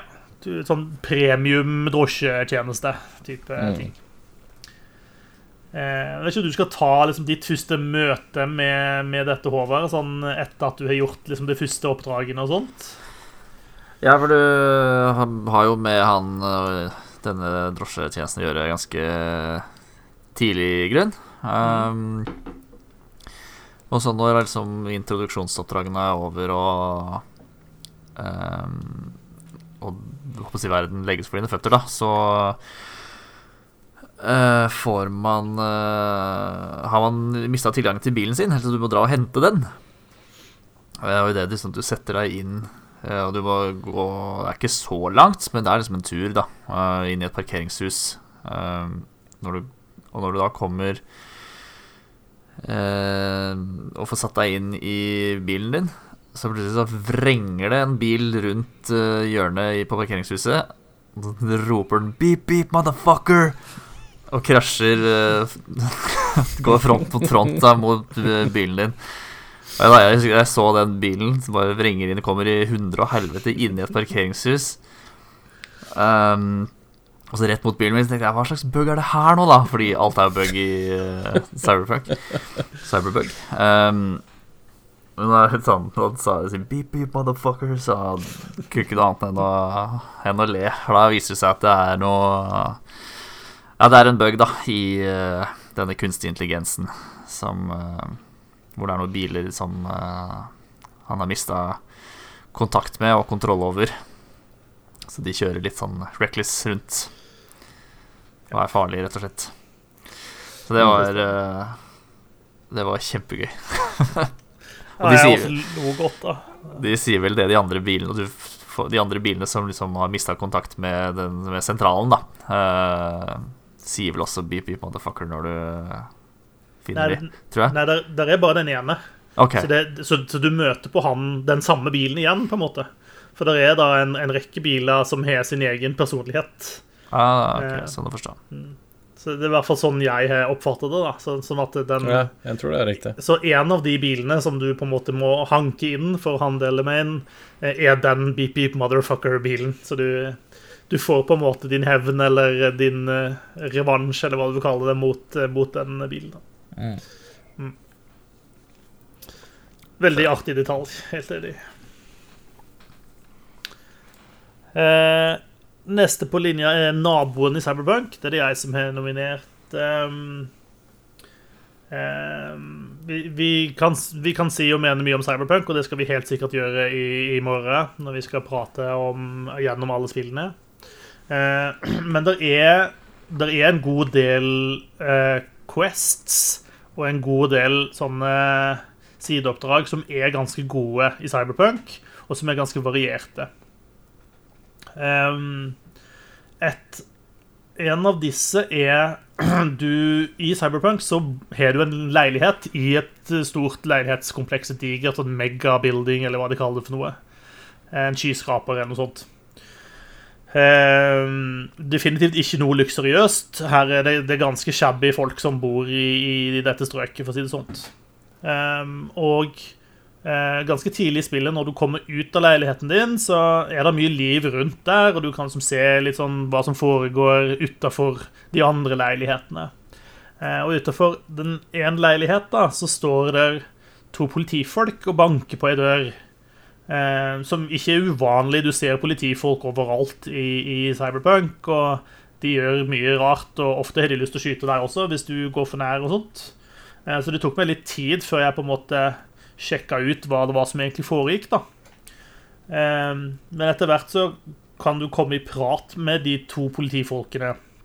Og det viser seg da at de er bekymra for den personen som bor der inne. De skal ikke kaste noen ut på gata, eller sånt, som du kanskje tror, men det er faktisk en kollega av de som bor i den eh, naboleiligheten. da. Eh, og De er bekymra fordi han er plutselig slutta å dukke opp på jobb. Eh, og de får liksom livstegn fra leiligheten, men, men, han har ikke lyst til å prate med dem og har ikke lyst til å komme ut. Um, så etter litt sånn prat, så, så, kan du da tilby deg, i hvert fall du liksom som naboen hans, da, om ikke du liksom kan sjekke litt inn på han og se om liksom, det går greit med han og sånn, da. Eh, og det sa jeg jo jeg ja til, at sure, det, det, kan jeg jo gjøre. Vi går nå forbi her innimellom uansett. Eh, så etter litt sånn eh, ja, Så kan du gå bort til dørene, så kan du banke på, og så får du litt, eh, litt kontakt med han, og så kan du på en måte gå og prate litt med han. Sånn, så første gangen så er det litt sånn OK eh, Han åpner ikke opp døra, men vi får liksom etablert kontakt, da, og eh, ja, sånn, hvis, det, hvis, du har lyst til å prate en gang, så, så bor jeg liksom rett borti her, da. Eh, og så neste gang så eh, du banker på, så får du lov til å komme inn. Eh, og du liksom får, får sette deg inn og får prate litt med han, da, og han forteller liksom sin historie om eh, at han, altså han går igjennom en personlig krise. da. En god venn av han som, som var mye eldre enn han, eh, døde nylig. Eh, og han er liksom i en situasjon hvor han er deprimert, og ting er kjipt. Eh, og liksom disse politikompisene hans de forstår det ikke, fordi det er en veldig sånn macho-kultur i politiet. og det er litt sånn Ja, det er tøft og vanskelig og sånt. og så sier jeg da sånn at ja, men jeg kan vi kan jo prate innimellom, da, så kan jo vi prøve å liksom være litt kompiser og passe litt på hverandre. da. Og Det syns han jo var en god idé. Så jeg går derfra og så tenker jeg at det, dette, vi, dette, må vi fortsette med. Og så går jeg nå ut i verden og gjør mine ting og gjør noen oppdrag og litt sånne ting. Og så kanskje det går litt lang tid før jeg liksom sjekker opp på han igjen, da. Eh, og da jeg så liksom kommer tilbake til, til dette bygget på et tidspunkt, så så står eh, disse politifolkene der igjen, og da har de sperra av området, og da har altså denne naboen tatt livet av seg sjøl. Eh, og det er ganske kjipt. Og de naboene og de politifolkene, kollegene hans, er jo lei seg, og jeg som spiller sitter liksom litt igjen med det som jeg på en måte ser for meg vil være de samme tankene som karakteren jeg spiller, ville hatt. Som er litt sånn Oi, ja, men ok, kunne jeg ha, kunne jeg ha gjort noe annerledes her? Kunne jeg ha kommet på besøk til han oftere? Eh, hvis jeg hadde prioritert han istedenfor å løpe ut på ting, kunne jeg ha endra dette? Og det får jeg aldri noe svar på i løpet av spillet. Eh, og det er jo en sånn ja, sånn sterk eh, opplevelse inni der som eh, eh, ja, så får en litt til å tenke, da. Og får en litt til å filosofere om at man må ta vare på de man er glad i, og eh, Det var på en måte en sånn En opplevelse som, som, kom litt out of left field, og som jeg absolutt ikke forventa å få. Som gjorde at det ble en litt sånn sterk, sterk greie. Og også ganske kult at de tar opp den typen ting da i spillet. Eh, Syns jeg også var veldig kult. Så det Ehm, det var en kul ting. Jeg har ikke slått opp noe sted om, om du faktisk kan endre utfallet her eller ikke. Om det, om det må gå den veien uansett, eller Det vet jeg faktisk ikke ennå. Jeg har ikke lyst til å slå det opp ennå heller, men jeg har lyst til å spille spillet på nytt en gang seinere, og kanskje prøve å være en enda bedre venn, og kanskje se om det er mulig å, å endre utfallet. Så, så, får vi se. Men det var i hvert fall en uh, en kul ting i Cyberpunk. da. Jeg kan støtte. Jeg har akkurat, akkurat samme opplevelse som deg, faktisk, med den der. Uh, og men jeg har også irritert meg grønn over at jeg ikke eh, hadde lagra sånn at jeg fikk saveskumma og sett om jeg kunne gjøre noe på en annen måte. Mm. For nå har jeg på en måte gjort så mye imellom de to, de to interaksjonene, da, så jeg får liksom ikke gått tilbake og sjekka om jeg, om jeg kunne gjort det på en annen måte, eller om det kunne vært løst på en annen måte, liksom. Så det var, eh, det var en sånn veldig liten og ubetydelig ting som er en av de tingene jeg husker best fra spillet så langt. Mm. Enig. Så definitivt det fins eh, Det fins ting som er verdt å få med seg i Cyberpunk. Det, det Mm. er det ikke noen tvil om. Eh, neste på listen er animasjoner i The Last of Us 2. Ja, da kan man vel egentlig bare ta med lyden også, for den har jeg skrevet på litt lenger ned. Eh, fordi det er Jeg tror Jeg tror jeg kan si såpass bastant at det er ingen som greier å lage spill på samme måten som det Naughty Dog gjør. De har et eller annet annet håndverk og en eller annen Det er sikkert penger, og det er sikkert tid. Eh, men det er ikke så farlig, fordi den tekniske kvaliteten i The Last of Us 2 fra start til slutt er helt ekstremt. Eh, alt av animasjonsarbeid. Altså alle, altså alle Selvfølgelig alle de store tingene med liksom eh, kamp og bevegelse, hvordan de trekker våpen, alle sånne ting er liksom én ting, men alle de alle de små, ubetydelige tingene som de har putta inn i spillet, som bare som bare bygger hele, hele universet, som bygger hele opplevelsen. Det er, helt sjukt. Det er helt sjukt de tingene de holder på med. Og så er det liksom Det er overalt hele tiden. Det er sånn Man blir så eh, Man blir så vant til at det ser sånn ut at det, det kommer til et punkt der du egentlig ikke tenker så mye på det, men så er det litt sånn Hvis du bare eh, stopper opp i ett minutt og ser prøver å liksom analysere litt hva de faktisk gjør, hvordan de, liksom, hvordan de beveger hendene sine, hvordan de tar på vegger. Eh, ja, nei, det er helt Det, er- det er helt Hvordan Abby spiser en burrito. Eh, Ja. ja. eh, Jeg så en Jeg leste en den har jeg, har ikke greid å finne, men det var en, en animatør, da, en som jobber Jeg husker ikke hvilket firma han jobba med, som, eh, som brøyt ned den scenen der hvor Åh, hva heter hun kjæresten til Ellie? Dina. Ja, hvor hun tar av Altså Ellie sitter med ryggen til, og så drar hun T-skjorta hennes over liksom hodet hennes. Mm. I en scene, da, ikke sant?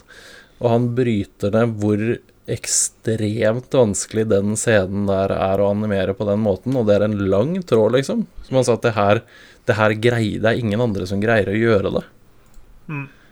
Og det er en sånn Det er to-tre sekunder i en scene i et spill som varer i 15 timer, eller?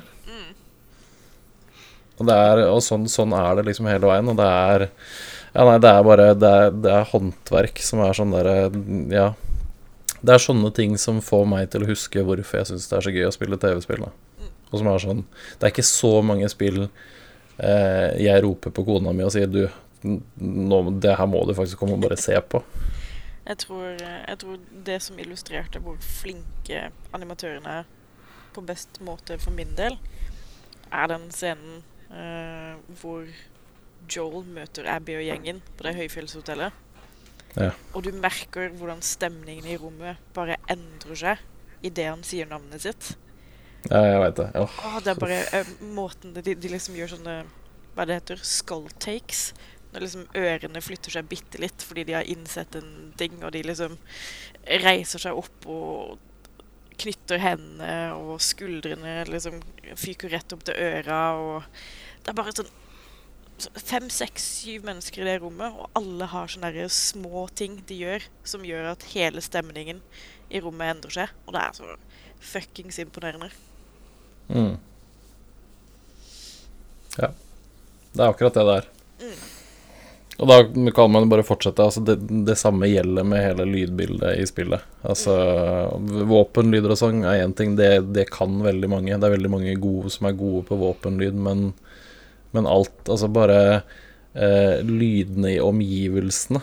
Altså hvordan det høres ut å gå gjennom skogen, hvordan det høres ut i kjelleren i vann, eller eh, eh, Altså monsterlydene, selvfølgelig.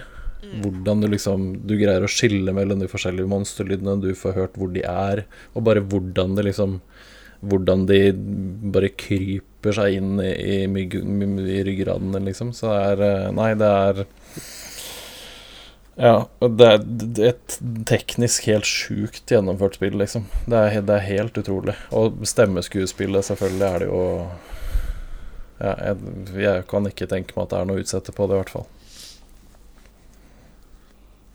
Og et musikk- og lydspor som ikke gjør så mye ut av seg, men som bare er der hele tiden. Mm. små sånne gitarsanger som flyter liksom i bakgrunnen og sånn. Det er Ja, nei. Det er ekstremt bra, hele spillet. Sånn. Takk. Det var det Ja. jeg ville si. Eh, ha- hadde vi hatt en egen kategori for liksom mm, mest teknisk imponerende spill, så tror jeg ikke det hadde vært så stor eh, krig om hvem som hadde vunnet den eh, i år. Det, det er jeg enig i. Mm. Nei. Eh, videre på lista så har noen nominert The Prodigy i Assassin's Creed Valhalla. Eh, ja, det er meg. Um, altså, det fins Det fins masse sånne små, rare easter eggs i, gjennom hele Assassin's Creed Valhalla. Du finner liksom referanser til Harry Potter og Ringenes herre og eh, masse, masse gøy. Men eh, den jeg husker best, eller har bitt meg best i merket, var når vi kom over et ruin av et kloster en eller annen plass i East Anglia. Så står det en fyr og hamrer løs på en lutt og, og vil bare liksom spille musikken sin. Eh, og han har en ganske særegen frisyre. Eh, han er liksom barbert på toppen, men har sidelengs eh, hanekammer. Eh, og så går du og snakker med han, og så er han sånn Ja, nei, han og liksom trubadurgruppa hans har bare lyst til å stå her og spille musikk, men eh, biskopen, som bor rett i nærheten, mener at musikken deres er djevelens verk, eh, og prøver å få jagd de ut. Og om ikke jeg kan gå og snakke med biskopen, da. Eh, og det gjør jeg jo så klart. Eh, og det ender jo med håndgemeng med biskopen, som er eh, overraskende dyktig på, på neveslåssing. Ja, ja. Mhm. Han, han har øvd mye. Eh, Blir ikke Eh. biskop eh, hvis du ikke kan sparke fra deg, si. Nei, altså du må jo bekjempe alle de andre prestene for å, å klatre opp til biskop rank. Så, sånn det funker. Ja, ja. By combat. Ja, ja, ja. Eh, altså du, denger løs på denne biskopen, da, og så bekjemper du han til slutt. Og så går du for å snakke med han musikerfyren, og så er han sånn ah, 'Tusen takk, du er den kuleste. Nå skal jeg komponere en sang til deg.' Eh, og sangen han komponerer til deg, heter eh, 'Smack My Bishop'. og så står han og spiller den liksom resten av uh, Resten av tida du er der. Det er eh, Jeg syns det er for det første hysterisk morsomt, men også en veldig fin hyllest til eh, vokalisten i Prodigy. Mm. Eh, Veldig artig. Så eh, den setter jeg veldig pris på. Cool. Det er så kult at de gidder sånne ting. Mm. Ja. det, det er mye sånn forskjellige ting i Assassin's Creed Valhalla. Det, det er jaggu meg et innholdsrikt spill. Mm. Det er det. Eh, neste nominerte på lista er stilen i Hades. Ja. Eh, altså, hvis det er eh, Giant Bomb har, et, eh, har en kategori i sine ting, eller hadde i hvert fall, som het Best Style. Eh, der er jo på en måte Hades er jo burde vinne alle år der. Det er et eller annet med eh, Altså ikke bare, ikke bare sånn spillet ser ut når du spiller, eh, selve liksom nivådesign og alt mulig sånn, det er bra, men det er litt Altså figurdesignet i Hades eh, Måten de ser ut, dialogen, stemmeskuespillet, alt mulig sånn. Det er bare det er, så, det er så kult, og det er så gjennomført, og hele spillet er jo en eneste stor sånn eh, Er det thirst trap det kalles på TikTok, Yes. som ungdommer bruker? Yes. Eh, du får deg til å, å, å tvile om er jeg egentlig Er jeg egentlig kanskje Spiller jeg litt på begge sider av laget nå, eller har jeg valgt Skal jeg gå over den brua og begynne å kjenne etter de følelsene her? Eh, nei, det er bare Det er, det er så alle, alle figurene har sin egen greie, og så er det bare Eh, altså, ja, stemmeskuespillet til de forskjellige er bare helt Det passer så bra sammen, alt de har gjort i det spillet. Mm. Det funker, liksom. Jeg, jeg, jeg er helt enig i det. det jeg syns karakterene er så glimrende i, i, i Hades. Eh, det er en så bra take på liksom, de gamle gudene også. Mm. Eh, og ehm, det er noe med De klarer å ta noe som er eh, på en måte kjent og gjenkjennelig, og samtidig gjøre det til noe som er veldig nytt og eget, da, og gi det en helt egen identitet. Eh, Ja, altså beholder det liksom noe Jeg synes det er så kult at de beholder noe av det som er liksom Dette kjenner vi med den guden, han derre Han som er sånn løpegutt. Hermes. Som jeg ikke Hæ? Hermes. Ja. Som han prater bare litt fortere enn alle andre. Fordi han har litt sånn dårlig tid. ja. Og det er så morsom sånn detalj at han liksom Han er, prater litt, litt sånn lyst og litt sånn fort. Ja, nei, det er bare Altså, hele spillet er liksom Det bare renner over av sånne småting med alle karakterene der som er bare helt Ja. Det er jeg, de, er så, de er så flinke på det der, altså. Så er det så kult at nesten eh, Nesten alt stemmeskuespillet og, og sang og musikk og sånn er liksom in-house Mm. Alt de gjør, er liksom in-house av sine egne folk. Det syns jeg er kult. Mm. Vel.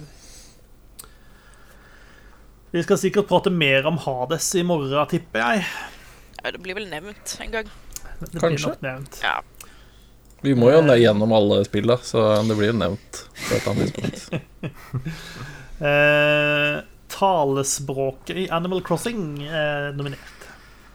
Den uh, kommer eh, sikkert uh, ikke noen, som noen overraskelse at den kommer fra meg. Ehm, det høres jo kanskje sånn tilsynelatende ut som det bare er uh, masse plipp og plopp og sånn, men ehm, eh, hver bokstav, hvert tall, har sin egen lyd. Um, som da settes sammen til ord, så liksom du kan Enkeltord kjenner du liksom igjen. Eh, fra sånn det er eh, skrevet på, på engelsk, og sånn det uttales på Animal Crossingsk. Uh, jeg bare syns det er uh, Bare syns det er morsomt. Uh, altså når du, hvis du leverer et fossil til Blatters, han og ugla i museet, som samler på ja, alt som hører hjemme på et museum. Og når han får et fossil, så sier han hu-hu. Og det er eh, like gøy hver gang. Så jeg Den, den eh, dialogen skippa jeg aldri. Kult. Så det er bare Det er eh, masse- kjempekoselig og uh, uh, veldig gøy og fiffig, liksom. At det, det, er, på, det er på en måte et eget uh, talespråk. Mm. Kult. Eh, navn på hindre i Fall Guys. Det er det også jeg som har eh, satt opp, og det er bare gøy. For, altså, det er en uh, hammer da som blir introdusert midtveis i ja, en av sesongene. Som snurrer uh, konstant, og som kan enten hjelpe deg eller ødelegge for deg. Så hvis du treffer, treffer den riktig, så kan du bli uh, flytta, kasta nesten helt fram til mål. Um, og den heter Bigus Nei, Bigitus heter den. Eh, en annen hinder er en sånn pendel som går fram og tilbake. Den heter Ringus Dingus. Uh, så det er bare De er jævla funny, de uh, utviklerne og de community-folka som styrer på med Fall Guys. Um, så det, det er ikke så mer, mye mer enn det. At det er barnslig moro med Big Itus og Ringus Dingus og så videre. Trenger, vi trenger litt barnslig moro. Det, det gjør vi. Det har vært et lysglimt i 2020 i hvert fall. Yes. Eh, er det du, Håvard, som eh, har vært i Paper Mario også? Det er det. Det er helt riktig. Eh, dette har jeg uh, skal snakke om nå, har jeg faktisk lagt ut på Twitter også. Um, fordi eh, altså Paper Mario generelt er, fullt av uh, vitser, puns, ordspill, humor. Um, og ganske tidlig i spillet så kommer man til uh, en bru som består av ti planker. Um, og når du begynner å tråkke på den, så sier hver av plankene do, re, mi, fa, sol, la, ti, do. Og så sier den tiende sier don't mind me. Um, og når du da går tilbake, så sier de det andre veien, da. Um, så den Kan du hoppe frem og tilbake, og så sier de de tingene, eller? Hva sa du? Må, må du ha de i rekkefølge, eller kan du hoppe frem og tilbake som du vil på de?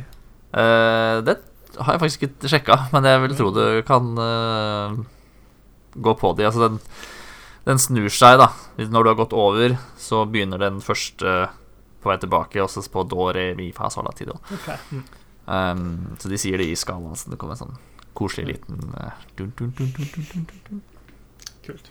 Don't mind me. uh, neste på lista er Ublitz i Ublitz. Ja, det er jo så klart meg som har eh, skrevet opp de.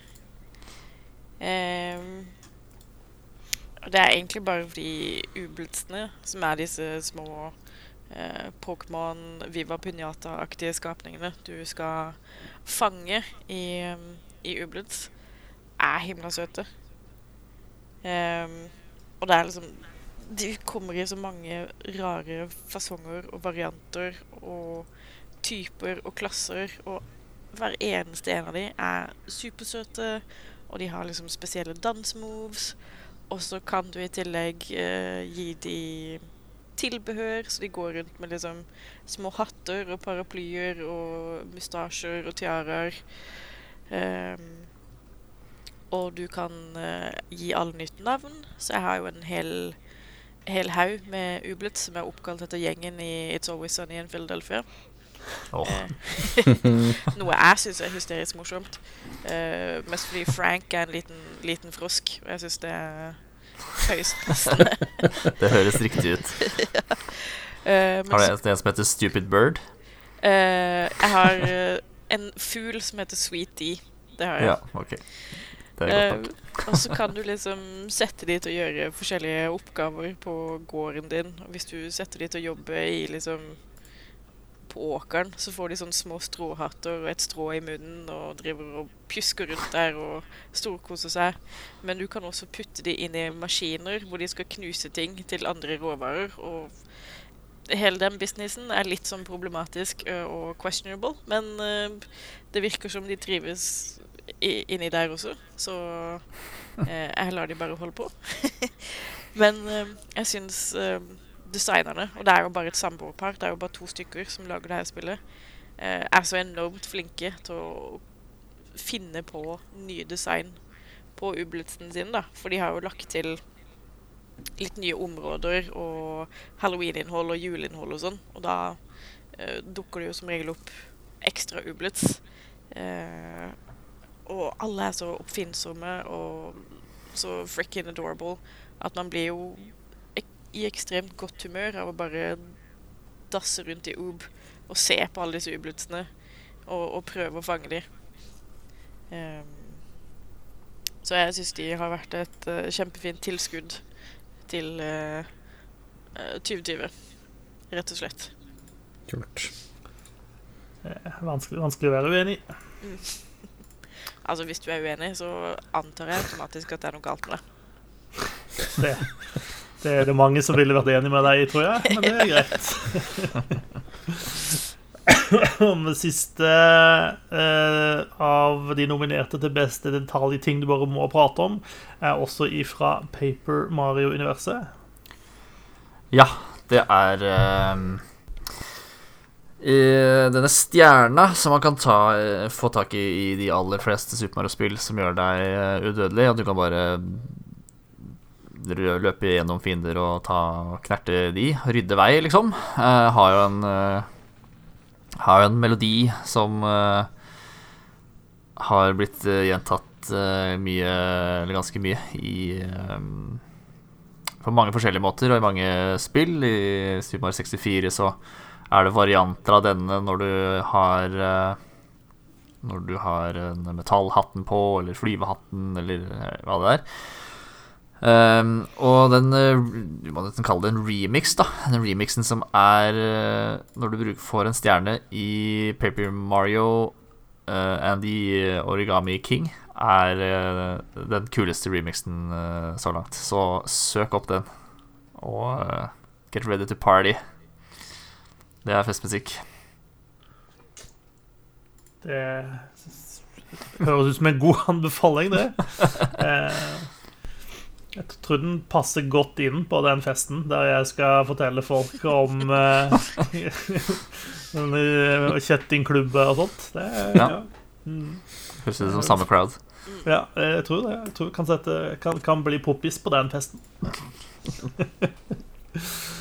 Uh, nei, men Nydelig, folkens. Da har vi på en måte fått, uh, fått tømt oss litt for uh, noen sånne detaljer og opplevelser som vi hadde lyst til å trekke frem spesifikt fra ting vi har spilt i året som har gått. Vi skal innom alle spill vi har lyst til, som kom ut i 2020, eh, i vår Goti-sending dag to. Eh, I dag så har vi, i tillegg til å prate om ting vi bare måtte prate om, eh, så har vi kåra eh, årets eh, uting. Som var all konsollanseringstrøbbelet eh, man hadde med de nye konsollene.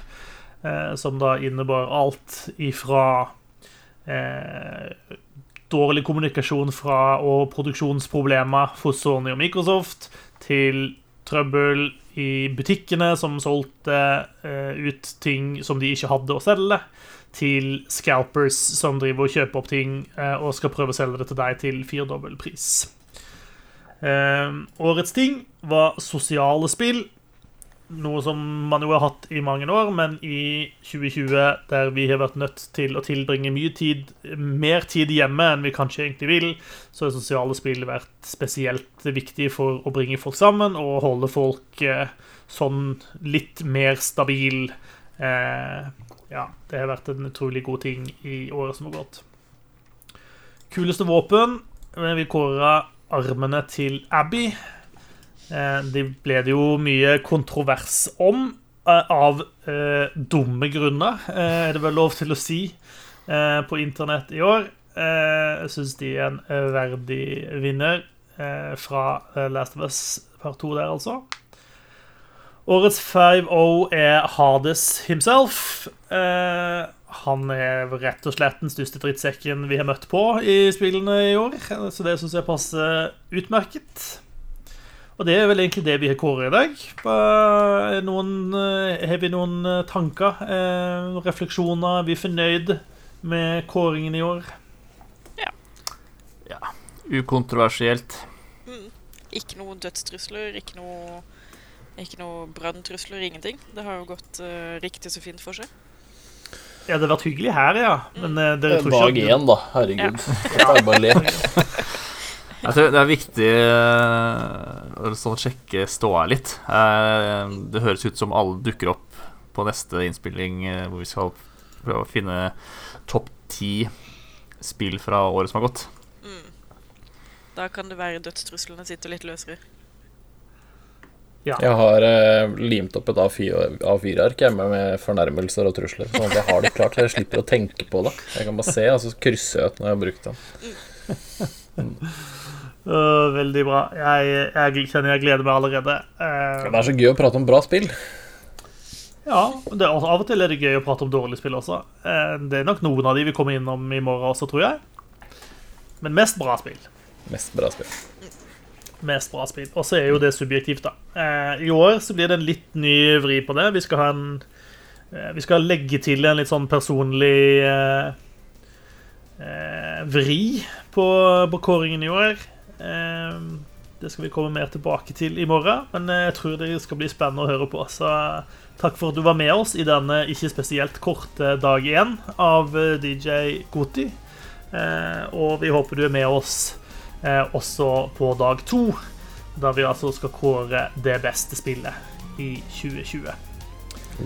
Eh, ja, takk for at du hørte på. Hei så lenge. Ha det Takk for bra. Det bra.